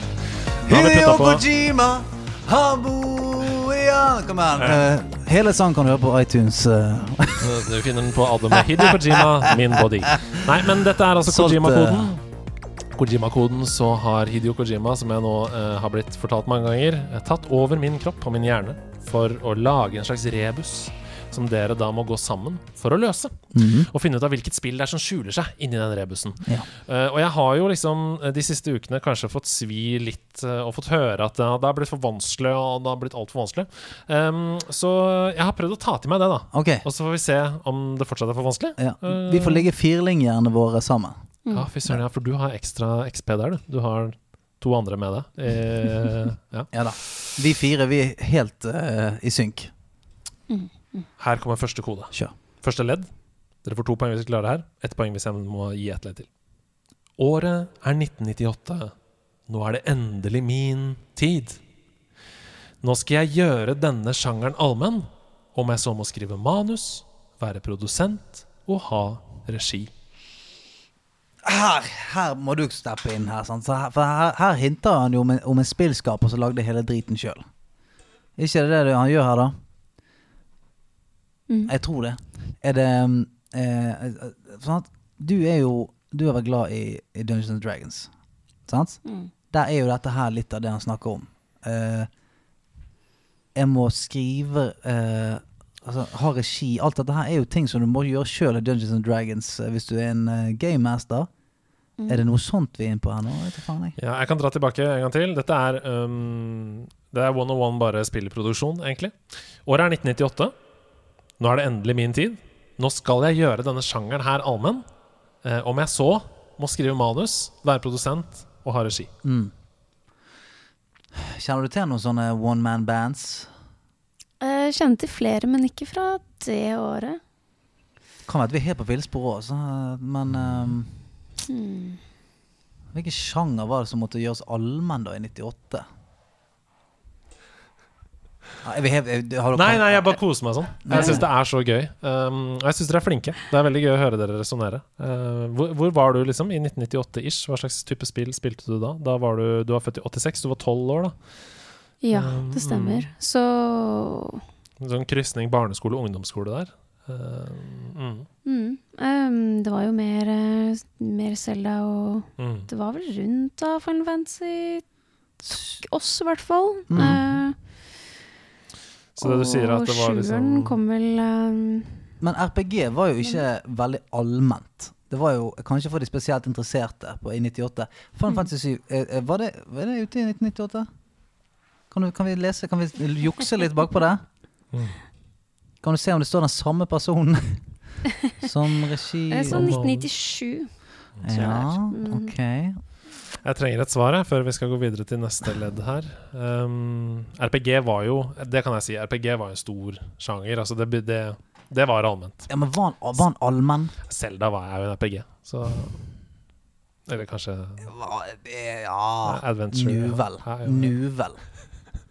Ja, det er ikke helt med på den, men vi går videre. Hæ, du får armor og shield, og du får flere potions. Og Du det får det faen meg i alle spill! Det er action adventure. Det er Action adventure, sant? Fasiten sitter der. Ja. Super Mario RPG, da. Ja, men Det var jo ikke, det var jo ikke allmenn. Det var det vel! Er du helt sinnssyk i hodet ditt? Okay. Det, der, det var en, en, en, freakshow-spill. jeg, jeg, jeg kan si at det, det er en Ja, det, var, det er en annen sjanger enn det, da. Det er ikke RPG. Greit. Skal dere ha neste ledd? Ja, vi må nesten jeg, jeg vet, Her må du dra lasset hvis vi skal klare det på denne, denne her. Nå, ja, spillhistorie var min uh... Det er, det er du som er eksperten. Ja. Ja. Jeg trodde aldri det skulle bli en suksess. For vi var bare 20 i teamet. Men det var her det begynte for alvor. Med den snikende slangen ved min side. Er det Hideo Kojima som er uh, produsenten, og så er det Metal Gear Solid? Det er riktig. Det stemmer. yes. Oh, Hideo Kojima har faktisk overtatt med Body! Ja, han har det! Han har det! det. Dette er Metal Gear Solid 1. Um, og det begynte selvfølgelig i 1998. Han tok roret. Han hadde jobba på et par spill før, f.eks. Metal Gear um, og sånn. Ikke noe særlig slager. Men han sa stealth-sjangeren. Fuck it, jeg skal gjøre den allmenn. Stealth-spill. Mm. Eh, og skrev manus, var produsent, hadde regi. Og det var der det begynte. Etter det snudde han seg aldri tilbake. For en mann. OK. Neste hadde- oppgave. Mm. Jeg hadde ikke så mye penger til å drive og kjøpe spill rundt den tida, så jeg kjøpte sånne spillblader hvor du hadde masse demoer inni. Ja, ja, ja. Og der spilte jeg, spilte jeg det som et av, et av spillene. Ja, ja, ja, Det bare viser seg at jeg er veldig dårlig i sniksjangeren. ja, men, Ja. ja. Jeg, jeg har heller ikke tålmodighet til det. Men er dere gode i denne sjangeren, da? Ja, vi får se, da. Noen foretrakk kids. Dette var for mer avanserte ganer. Vi konkurrerer og trikser over åtte baner. Kids. Noen, noen foretrakk kids. Jeg syns det er så gøy når du, når du gjentar et ord i Kojima-koden Ja. og ser på meg med verdens største øyne. Kids? Noen foretrakk kids. Ja. Er lov å si? Noen foretrakk kids. Dette var for mer avanserte ganer. Nei, det er ikke lov å si. Vi konkurrerer og trikser over åtte baner. Er det sikkert flere baner, men det første jeg tenkte på, var Tony Hawks. Men Mm. Ja, for at, eh, her er jo det et eller annet Det er sikkert et spill som het Kids et eller annet, da. eh, til å begynne med. Skate Kids eller et eller annet shit. Ja, satan! Åtte baner. Ja, men et, et, hva kjører du? Bare si, gi han svaret rett i trynet. Tony Hawks Pro Nei, det er ikke det. det, er ikke det. Men du sa Skate Kids. Det var veldig nære. Her kommer neste ledd. Tar du noe damage på veien din ned? Tar du noe damage på veien din ned? Skal du klare det umulig? 360 ganger 3? Å ja, det er 1080. Ja! Ja, det er 1080. Ja, snowboarding, og det var selvfølgelig Snowboard Kids! ja, ja. ja. Som jeg viste til Ja, i det For det var jo på Nintendo 64 Så var det um, ikke SSX Det kom ikke før til PlayStation 2 Så eh, det første på en måte ordentlige snowboardspillet Som tok verden og var sånn Ok, dette er nesten simulator faktisk Skal ha snowboard 1080! Det var 1080 snowboarding eh, Et moderne og um, voksent alternativ Til Snowboard Kids Hæ? Er det gøy? Ja, ja. Skate Kids, jeg kaller Skate det. Kids, det var så sykt nære Er dere klare for å ta tidsmaskinen, eller? Ja.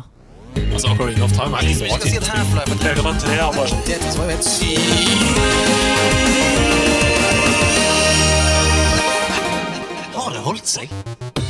Ja, vet du hva? I dag så har vi spilt eh, klassikeren over alle klassikere. Altså det er vel er vel vanskelig Jeg er vanskelig for å tro at det finnes et menneske på denne jorden som ikke har hørt om dette spillet, i hvert fall. Det er Tetris, folkens. Goda, gamle Tetris. Rang, dang, dang, dang, dang, dang, dang. Ja da. Den greien der. Den greien der. Ikke noe, ikke noe Tetris-effekt. Ikke noe tetris, tetris. Punktum. Og Tetris det er jo da et uh, puzzlespill. Der hvor du Fortell, fortell meg mer om det. Fortell må, meg mer om Tetris. Ja, men Det kan jo hende at folk bare eh, At det er unge lyttere for eksempel, som bare har hørt om hva det går på. Bestefar snakket om Tetris. Ja, og der så må du matche opp brikker. Eh, som faller fra toppen i et spillebrett, slik at de fyller brettet og forsvinner. da Eh, Og Poenget er å få en så høy score som mulig. Eh, spillet er uendelig, basically. Det avsluttes når eh, om brikkene dine stacker seg så oppå hverandre, du klarer ikke å fjerne det, at de når toppen av feltet. Og det går fortere og fortere, selvfølgelig. Tetris har solgt 500 millioner eksemplarer. Det gjør det til tidenes nest største franchise, bak Mario, Mm. på 700 millioner eksemplarer. Ja, og, og eh, Mario har jo eh, holdt det gående med et par spill.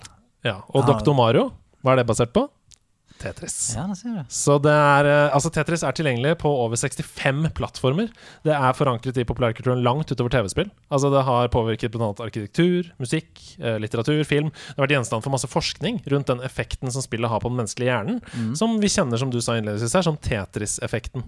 Um, og det har kommet en million varianter av Tetris, men vi snakker om den første vestlige versjonen her, til IBM i 1987. Har det holdt seg? Det er spørsmålet. Veldig nisje. Nå er vi på nisjen. Ja. er nisjen. Men det er gøy, for det- flyr et sånn helikopter eller sånn lite småfly over skjermen, og så kommer det sånn her Det kommer masse informasjon, og så bare Så er vi i gang. Um, hvor har du spilt det, hvis du har spilt det? Ja, jeg spilte jo det jo på, på Gameboy da jeg var liten. Oi, oi, oi. Deilig. Så det var uh, kjempeflott. Og så husker jeg det, det, det største var eh, etter hvert når vi fant ut at Eller når teknologien kom så langt at man kunne ha to Gameboyer og koble de sammen med en ledning. Og da kunne man Oh, spille yes. mot hverandre. Stemmer. Link-kabel, mann. Oh yeah. Så ja, Tetris har kommet inn med, med morsmelka nærmest. Har du fått spilt det denne uka her? Det har jeg. Oh. Det har jeg. Og jeg har også testa ut et par andre på en måte, nyere mobilversjoner, også bare for å se litt dette opp mot om det har holdt seg eller ikke. Her er det noen som tar det på alvor. Mm. Jeg elsker det. Det eneste er at narrativet er litt forvirrende. um, for de har jo noen sånne, cutscenes litt før og litt etter som ikke helt gir mening. Ja. Men um, Hvor skal vi med dette spillet her? Jeg blir ikke klok på karakterene. Den lange, den lange prikken. Ja, hva er det han vil, egentlig? Hva er livssyklusen hans? Ja. Hannes. Hannes. Han- Hva er syklusen? Men jeg, ja, jeg, jeg spilte jo det på den obskure linken som du sendte meg. ja. Det gjorde jeg. Eh, så litt som det har vært med spill For jeg, jeg sitter jo ikke med og spiller Tetris til vanlig. Det er i hvert fall eh, veldig, veldig sjeldent. Mm. Mens eh, det er jo Tetris er evig. Jeg føler det. Altså sånn, når jeg spiller Tetris nå, så er det sånn Det er som det er som alle sånne spill som alltid har vært der. Altså, det er faen meg hoppetau. Det er like sånn Har det, har det holdt seg hoppetau? Ja, hoppetau, det funker fint. Hopp over tauet. Har det holdt seg å drikke vann? Ja, ja men det det er sånn så Når jeg spilte det, så var det sånn Hvis faen hadde det holdt seg? Det, dette her funker. Jeg merker at det er sånn Til, til eh, skjermen fylles, så er du liksom Du er der. Ja, ja. Det tving det, det som er fint, det, de, har, de har gjort veldig mye forskning sier, på den eh, virkningen det har på hjernen, og, og, og måten det på en måte stjeler oppmerksomheten din Mm. på. Altså, du, det er jo terapi for veldig mange. Og det merker du, for det, hvis du tar blikket vekk fra skjermen et sekund, så er du litt fucked. Sant? Sånn at til slutt så er hele verden din bare Og der kommer den, snu den, ned på den. Å, nå går det litt fortere. Ok, oi, Mm. høp, høp. Og sånn, du er helt i transe. Så legger du deg om kvelden, og så ser du da Ja, ja, ja. de mønstrene. eh, Ja, ja. selv om du har lagt det. Så eh, jeg, jeg, jeg visste jo egentlig på en måte at jeg ville tro at det hadde holdt seg. Mm. Og uansett hvilken form det er nå i nyere tid, så er det på en måte bare en reskin. Mm. Og så har man prøvd seg på eh, hva Er det Tetris 99 det heter? Det der Mm, Battle? Åh, Det er dritbra! Ja, ja, og, og, og det der har jo vært i så ekstremt mange andre spill. Altså, Mm. Som bare er Det er Tetris, men det er bare funnet en litt annen schwung på det. Jeg husker ikke hva det het, men det var uh, et spill som jeg spilte en del. Det var uh, uh, samme greie, bare at det bare er farger. da Sånn det, er Ja. det er farger som daler ned. Som nesten måte- bejeweled, på en måte. Nesten sånn- bejeweled, ja, ja. sant? men litt sånn tidlig sånn PlayStation 1 Mm. eh, toplayer-variant Ja, som vi spilte dritmye. Og sånn Og det der Jeg tror det aldri kommer til å være gøy for meg. Mm. Den helt, helt enkle mekanikken. Ting faller ned, få det til å passe. Det trigger all sånn OCD i hjernen, og det er så deilig hver gang du bare sånn Å, der er Swoop! Der forsvant hele greia. Der kom endelig den lange. Jeg har laget en svær, åpen spot til den. Der kommer han. Alt er vekke. Fy faen, jeg er god. Så det der eh, for meg holdt seg som fan. Deilig. Du har jo brukt det denne uka som et forskningsprosjekt på Tetris, har jeg forstått nå. Uh, legg ut, fortell. Hva har du, hva har du funnet? Ja, nei, altså Hva skal jeg si Så klart at det har holdt seg veldig, veldig godt. Um, og musikken, det har ikke bare den ene melodien som man er så kjent med. Mm. For jeg husker også at jeg ble faktisk litt lei den jeg var liten. Mm. Men den har en annen melodi også, når du går inn der og finner ut Å, shit, det er en melodi nummer to der. Um, som også er ganske engasjerende. Mhm.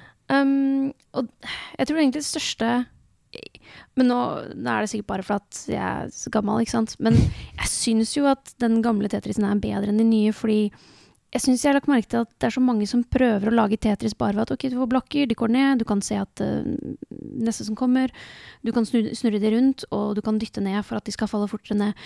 Men det er noe de har gjort i forhold til den opprinnelige Tetrisen, i forhold til måten brikken faller på, når du trykker ned, når du stopper opp, um, som har så mye å si, da.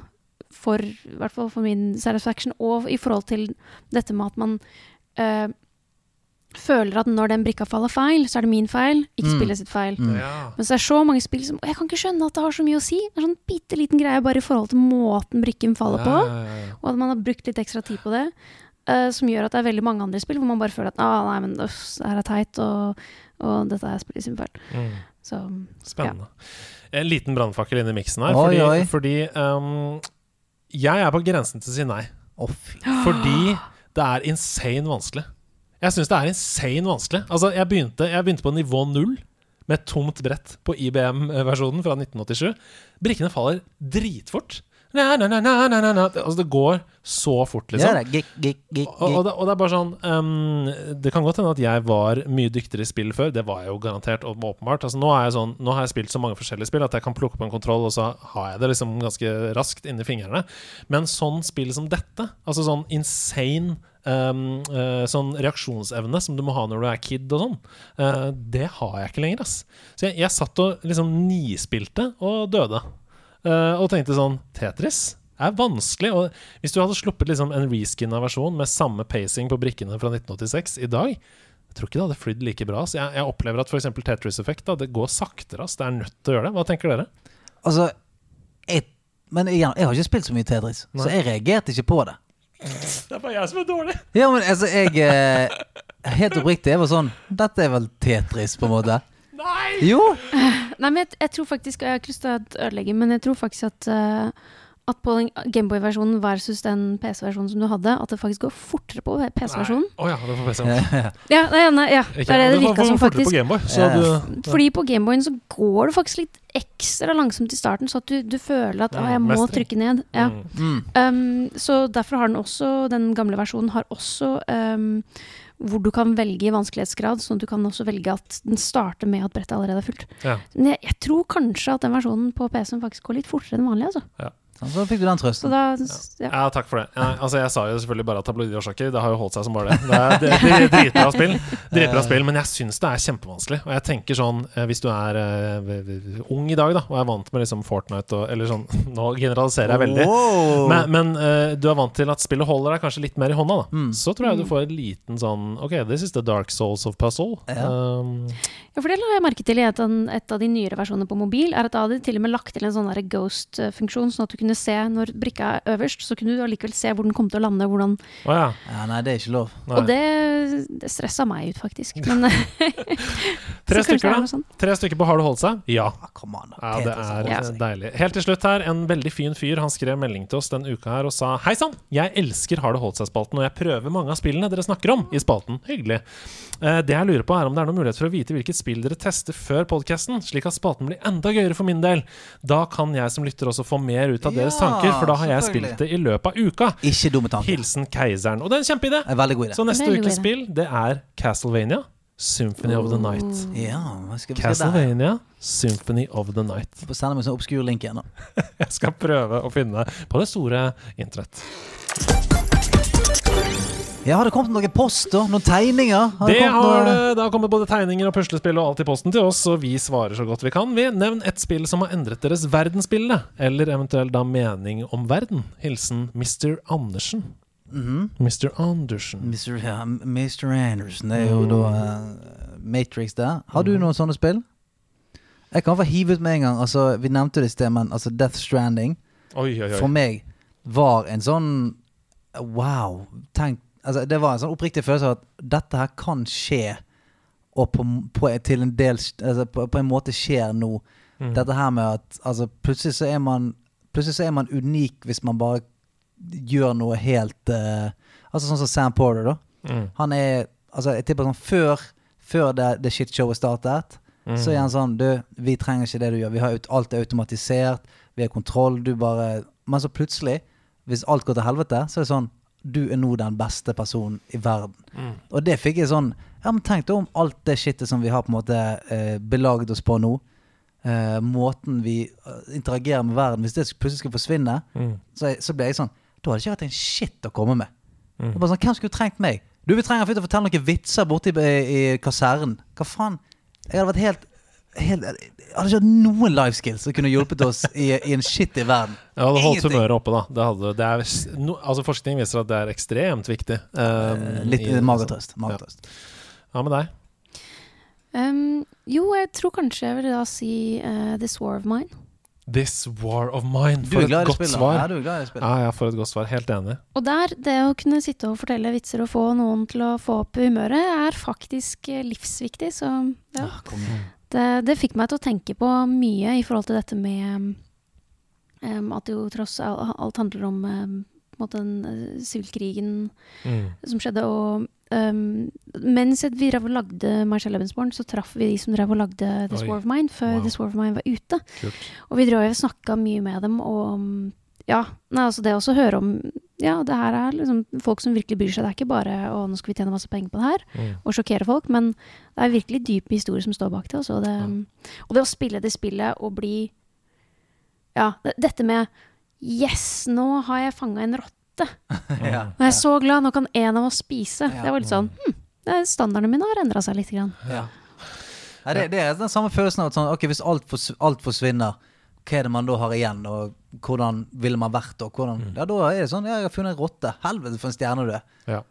Det er veldig fristende å si Disco Elysium. Det, det går jo inn på veldig mange deler av både å være menneske og ikke minst samfunnets eh, bygd opp, men det, er så, det har jeg snakka så mye om. Så jeg tenker at eh, eh, relasjonsspill, altså spill som har endra mitt forhold til em, mennesker, og hvordan vi forholder oss til hverandre. Eh, Life is Strange, for eksempel. ja, for eksempel, Ja. men, men hovedsakelig egentlig Last of Us 1 og ikke minst 2.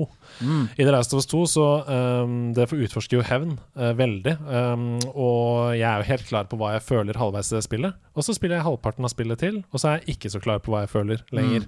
Eh, og det er bare sånn Den evnen da til å sette deg inn i noen andres sko, det har jo forandra mitt uh, syn på mennesket. Men det som er så gøy, at alle har egentlig Egentlig er essens den samme som feelingen, som, Mm. jeg, som jeg føler er der Hvis alt går til shit, hvem er jeg da? Ja. Hvis, hvis verden brenner, hvem er jeg da? Mm. Ville jeg vil jeg vært the good guy? Eller ville jeg vært han som på en måte var villig til å banke dritten ut av noen for, for vann til familien min? Mm. Du, får, du må stille de spørsmål. Og jeg liker det. Hei, hei! Jeg opplever at mange store trippel A-spill, og særlig innenfor open world-sjangeren, blir ofte beskyldt både av spillere og anmeldere for å ha blitt altfor repetitive, hermende eller lite nyskapende, uten at man nødvendigvis kommer med forslag til løsninger. Har dere noen forslag til hvordan man kan friske opp denne typen spill? Hvilke spill innenfor denne sjangeren mener dere stikker seg ut som prakteksemplar på en åpen verden? Hilsen Simen Simen. Ikke Simen-Simen, men hilsen bare Simen. Ja, ja. Ja. Eh, Og det, det første jeg tenker er sånn Jeg skjønner veldig godt hvor han kommer fra. For det er mange som har sagt sånn Ja, etter hvert så blir det repetitivt, og Assassin's Creed Odyssey, liksom, eller uh, Origins, ikke minst. Ja, det er bare de samme sideoppdragene. Gå dit og hent en ting, ta den med tilbake. Bla, bla? Det føles som sånn fyllstoff, da, bare for å gjøre verden større, um, uten at det tilfører noe, egentlig. Men har du noe prakteksemplar på Open World som du tenker sånn Ja. Åh, jeg har ikke spilt så veldig mye Open World, bortsett fra um, online-spill. Mm. Um, altså sånn MMO-er. Um, og så klarer jeg faktisk ikke å huske hva det spillet heter, men det er et online-spill hvor um, Hvor du da også kan fly. Oi. Hvor du har Digg. vinger, og du altså Det er ikke bare en mount, men liksom du, du deg selv, du kan fly. Ta, Og, Er det Terra? Jeg husker ikke hva det heter, men du begynte på A. Aion er faen Ion. ikke jeg husker- Ion, ja. Ion var det, ja. Du er så rå! Åh. Du er så rå. Ja, så det, det spillet Jeg, jeg syns det, det klarte å bringe noe helt nytt, og det det også gjorde, var at um, Det er kanskje flere som har gjort det også, men du hadde jo flere factions som egentlig hadde hver sin del av sin historie som du har fortalt, hvor den andre faction er uh, ond. Mm. Um, og så har de egentlig en del av stedene hvor du ender opp med å begynne å kunne gå inn i verdenene til hverandre oftere. Mm. Om det er fiende og, og lignende. Og det var um, Ja, det var et spill som, som føltes veldig nytt og spennende for meg. I hvert fall det å kunne prøve å være en litt annen species og, og prøve å leve på en litt annen måte. Men ja, det er det nærmeste jeg kommer. Jeg tenker Breath of the Wild. Det, det mener jeg er på en måte det perfekte Ja. open world-spillet. Eh, det er ikke en pixel som er unødvendig. Uh, og det er sånn Jeg opplever heller ikke at noe Quests er eh, unødvendig. Mm. Um, så mitt tips, da hvis du skal til liksom si sånn hva, uh, Uten å komme med forslag til løsninger Ikke lag verden stor bare for å lage den stor. Nei, nei, nei. Um, fyll den med mening. Ja. Og gjør de forskjellige sonene eller verdenene eller byene eller landskapene du opererer i, såpass unike at du kjenner sånn Nå har jeg lyst til å dra til det stedet, for det er en helt annen feeling enn der hvor jeg er nå. Ja, ja for jeg, jeg også likte å, i likhet med det, å kanskje ta fram helt sånn kjempenye spill, Triple A, som, som har gjort det, da. Uh, men jeg husker, dette er jo et norskprodusert spill, et Secret World. Ja! Ja. Ragnar, gamle Ragnar. Ja, og jeg, jeg, eh, jeg har alltid vært sånn RPG- og MMO-fan, kjempefan. Sånn at eh, da jeg tok opp det spillet, så var jeg sånn Å, jeg ser hva dere har lyst til å gjøre her, og det er så gøy. Og altså, den er litt sånn crazy. Vi er i den virkelige verden, men det er rare Mm. ting her. Og eh, jeg ville så veldig at det skulle på en måte bli dritbra, men så gikk jo ikke det sånn Det er ikke det nye wow. Eh, men det husker jeg da jeg begynte å spille det de første timene, så var jeg sånn dette, li dette liker jeg, for dette er helt sånn Dette er helt off uh, alt annet jeg har spilt av MMO-sjangeren. For jeg har, spilt, jeg har spilt alt fra Anarchy Online til alt mulig. Men det syns jeg, var, eh, det synes jeg var skamfett. Så uh, skulle ønske at det var Skulle ønske det ble laget i dag med pengene til trippelaget. Så Ragnar, hvis du hører på, det er bare å begynne å crowdfunde. Siste spørsmål denne uka er Hva syns dere om adopsjonen av spill som blir til filmer? Man har jo noen fantastiske filmer, som f.eks. Dragon Quest Your Story, eller den nye Sonic, eller Detective Pikachu, men også noen filmer som kanskje er nærmere bommer til en blink, som Super Mario Bros. fra 93, Street Fighter eller Doom. Hvilke adopsjon av spill til det store lerretet er deres favoritter? Hilsen Tommy. Og mens dere sitter og tenker da på spill, så kan jeg si at først og fremst så skjønner jeg ikke helt hvorfor man skal lage spill til film. Bare sånn grunnleggende. Penger, mann! Ja, men, Det er jo det altså, jeg jeg, jo men det er det, jeg skjønner argumentene. Ja. Det skjønner jeg, men sånn historiefortellingsmessig så er det sånn Du vil aldri lage et spill som er 10-10, om til en film som er 10-10, i mine øyne. Nei, jeg tror ikke fordi ideen er så avhengig av interaktivitet, i utgangspunktet. Og da er det sånn, hvis du fjerner interaktiviteten, da, så Ja, hva, hva står en dag? Jo, kanskje en historie, men mye av makten er at det er du som aktivt forteller den, på en måte. Så ja. Det, det er jo noen spill også som, som har kjempefantastiske karakterer, som da gjør at man har lyst til å leve mer i deres univers. Men jeg føler nesten ofte at, at kanskje tegneserier har gjort det bedre. Til en viss grad. Men det er kanskje også fordi at man ikke nødvendigvis uh, Man kan fortsatt putte litt av seg selv inn i det. Mm. Uh, men nå skal det sies um, Super Mario-filmen Jeg likte den, jeg. Men nå var jeg liten, da. Så, Ja, men jeg, jeg, jeg, digga den. jeg, jeg, jeg husker jo at jeg så mye på den. Jeg reagerte aldri på det. For jeg, sa, I likhet med deg, så jeg var jo kid. Så bare sånn, faen, mm, Super Mario på film. King Kong. Stiller jo Kong, andre krav til historiefortelling da, når det er tre år. Det er sånn Jeg digga Teletubbies. Ja, ja. Uh, Ja, ja. Han, ah, var jeg kanskje ikke så ung, men um, pluss at uh, Mario-karakterene hadde jo ikke så veldig mye personlighet, bortsett fra at vi så veldig mye tegneserier av det. da. ja. jeg husker bare voicingen av de var helt uh, veldig gøy. Fordi Mario snakka jo litt sånn, han. Var ikke litt sånn, Jeg tror han snakker litt sånn på eh, tegneseriene. Ja, ja. Luigi! Hva er det? Stemmer det, Ja, ja. Luigi! Ja. Hva er det du her? Ja, det var plutselig uh, Leif Juster som var på Mario. Brødre til fjells.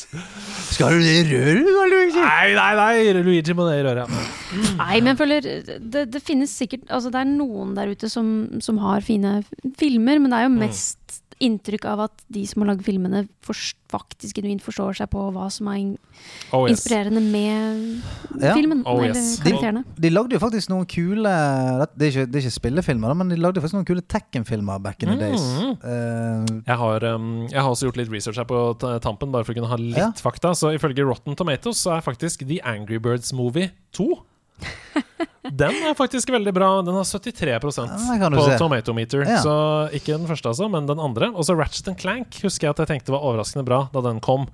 Uh, selve filmen. Jeg husker ikke at det har Eh, vært den er- ute engang. Nei, for den er basert på det første spillet. Og det er jo ganske mye cutscenes og sånn i det spillet. Så, og eh, de cutscenesene, der er jo ikke interaktivitet. De valgene tar jo ikke du. Så jeg syns den var ganske bra. Og så har jo Resident Evil fra 2002 det stemmer. og Silent Hill fra 2006 De har ganske fine omtaler. Sånn 6-7 av 10, liksom. Og det er jo ikke verst for en skrekkfilm, det. Så Jeg var jo litt skuffa over Silent Hill, uh, fordi jeg var stort fan, så det er også noe av sikkert problemet. Igjen dette med at hvis du har en ti spill, og så ja.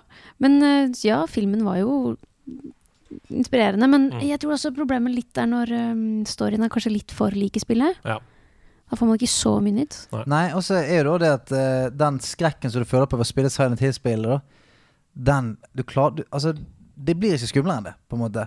Det der med at du må gå bort til den døren som står og rister uh, i et, på et blodig bad. Du må gå bort der. Og den, den samme på en måte Ja, det forsvinner litt i, i skrekkfilmer, så det blir på en måte Ja, det er, en, det, er en ku, det er kult at de lager film av det, men det blir på en måte bare en skrekkfilm, på en måte. Mm. Det er i hvert fall min feeling. At det, det blir ikke noe som er helt, helt unikt uh, for det.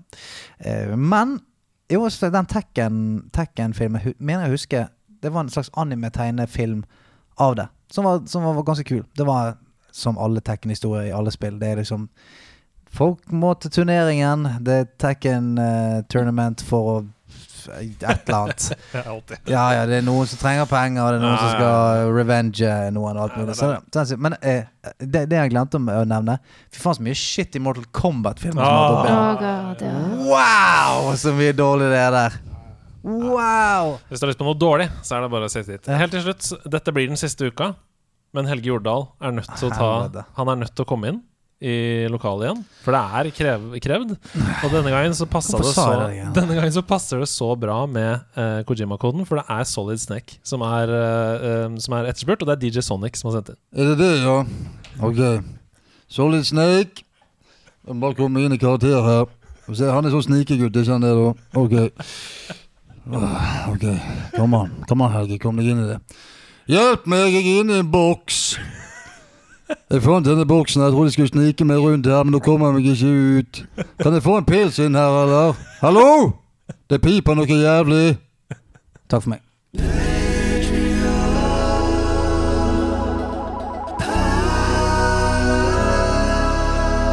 Det er deilig. Det er deilig. Det er klart det er deilig. Det er alltid deilig å bli ferdig med den. Det Ja, ja, det er det som å, jeg føler det er litt sånn uh, Vite at du skal ha tale i et bryllup, så Ja. klarer du ikke å slappe av helt til du har tatt en tale. Det er litt sånn jeg har det etter. Det er bare dumt at helt på slutten av podkasten.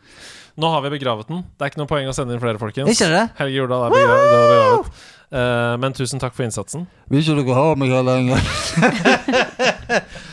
Jeg blir alltid kastet ut.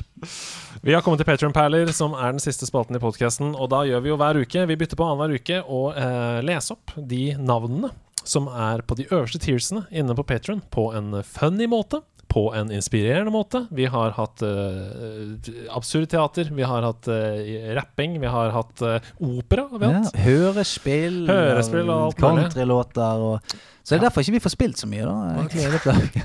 Og denne uka så har det vært min tur. Ja. Um, og jeg har vært veldig sånn fascinert opp igjennom av en, spesielt én sjanger som uh, jeg helt på uironisk liker veldig godt, sånn musikkmessig, men som jeg også syns er litt flau. Fordi veldig ofte så skal man i den sjangeren, i tillegg til å ta helt av, også si noe viktig om livet. Ja. Så uh, folkens, vi skal til EDM.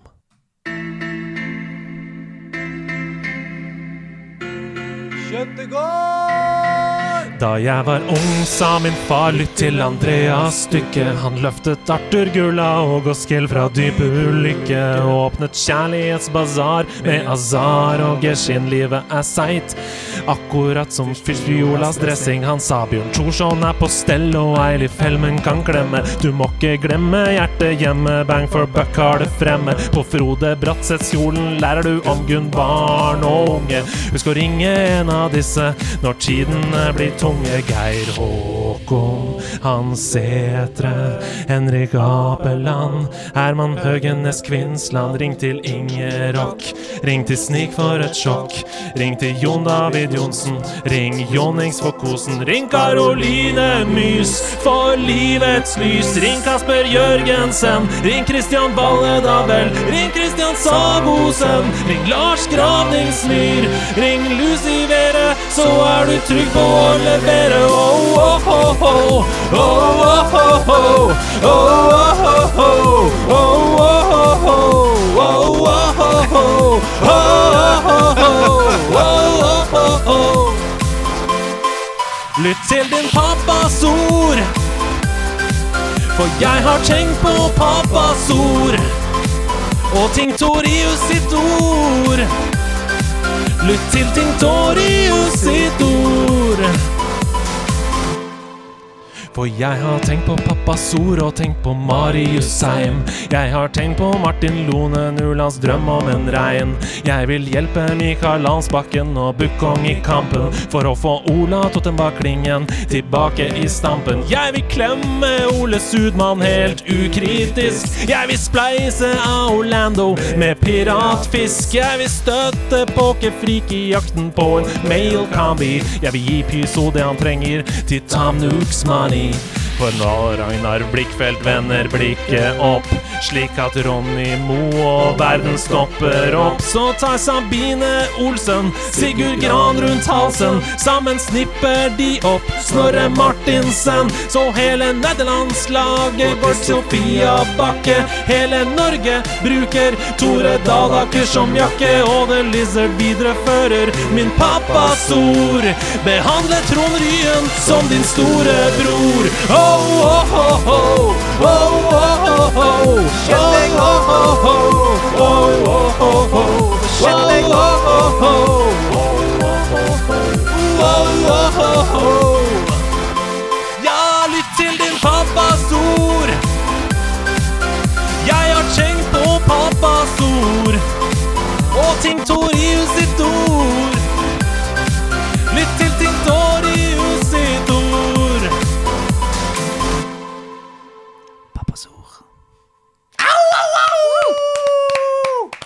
Litt russetid i monitor der. Ja, altså, jeg, jeg, jeg var med, jeg. Altså, jeg lukket bare øynene. Og så sto jeg bare i en tettpakket crowd, øl sølte på meg. Jeg tenkte, Faen, det er greit, vi er her, vi koser oss.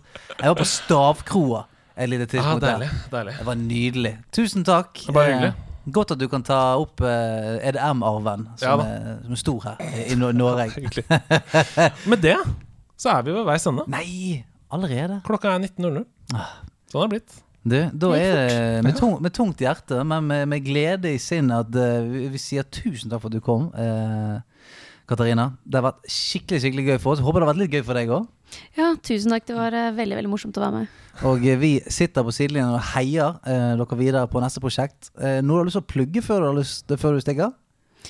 Ja, hvis jeg får lov, så er det jo min romkamerat som har eh, The Åsan Show Ja. på YouTube. Og så har han nettopp lagd en talkshow, han også, som heter um, Åsan-timen. Åsan-timen, ja. Og det er eh, bare masse, masse fjas og gøy. Åsan må være gjest her. Åsan er Åsan er mannen bak, awesome. eh, bak Helheim Hassel. Mm. Hassel blant annet. Han må være gjest. Ok, så ha- han streamer, sa du? Ja, han streamer. Og jeg begynte å tenke, nesten tenke på at dere må jo nesten streame eh, horrorspill sammen, for det blir mye skriking og hopping og Jeg er klar for det. Ja. Hvis du kan holde meg i hånden. Hedemann. Ja, jeg er der når du vil. Ja. Ok, Så hvis du også lyst til å sjekke ut Åsan, så er det Twitch TV slash Uh, Nei, det blir et uh, YouTube. Og det er YouTube! ja. Ja, Ja. Det var ikke meningen å banne. Ja, ok, det er Åsan Show på YouTube. Og så støtt Sarepta, da, folkens. Kjøp My Child Lebensborn hvis dere ikke Yes. har kjøpt det. Jeg spilte det igjen i sommer, og det er helt fantastisk. Og det er tilgjengelig overalt på mobiltelefoner og overalt. Så det er en kjempegod opplevelse. Mm. Handle Mm, lokalt. Ja. Det er det det handler om. Lykke til eh, videre. Vi håper å få deg tilbake inn her eh, ved neste BAFTA-pris. Ja, ja. Og så tusen takk til eh, alle dere som hører på. Dere vet vi elsker dere! Vi gleder oss til å se dere neste uke. Høre dere. Jeg, ser for meg at jeg ser deg. Men vi, vi gleder oss til å høres neste uke. Da er det episode 100! Kan du tenke deg det? Er det helt sykt? Episode 100! Kom tilbake når dere har 300 episoder. Ja, ja, altså, fy flate. Vi skal gi han det glatte lag når han kommer på besøk her. Eh, du, eh, hvis du ikke ennå har gjort det, og har holdt ut så lenge i podcasten, så syns jeg du skal komme deg inn på discorden vår. Det er discord.gg slash nerdelandslaget. Der inne er det et godt og fint sted å være for eh, alle eh, hardcore-gamere, helt ok gamere, og folk som bare gamer litt. Folk som liker eh, alt som man kan nerde på mellom himmel og jord. Det er skokanaler, det er, det er aksjekanaler, en egen kanal for bare strategispill. Det er alt. Hvis du, hvis du liker noe, så finner du det der inne. Så kom inn der. og Hvis du ikke har ratet oss ennå på iTunes eller hvor du hører på podcast, så hadde vi blitt veldig glad om du gjorde det. Trenger ikke være fem stjerner hvis ikke du mener det, men dess mer rating vi har, dess mer synlighet har vi for andre potensielle nerder. Vi har lyst til at laget skal bli stort. At vi skal kunne lage vårt eget 17. mai-tog og gå gjennom hele Norge. Som for så vidt de skal gjøre i Minecraft i år òg. Så Mhm. se skogliv.no. Ja, de arrangerer Minecraft på 17. mai. Boom. Vi snakkes, folkens. Ha det! Litt til din pappas ord. Ha det bra.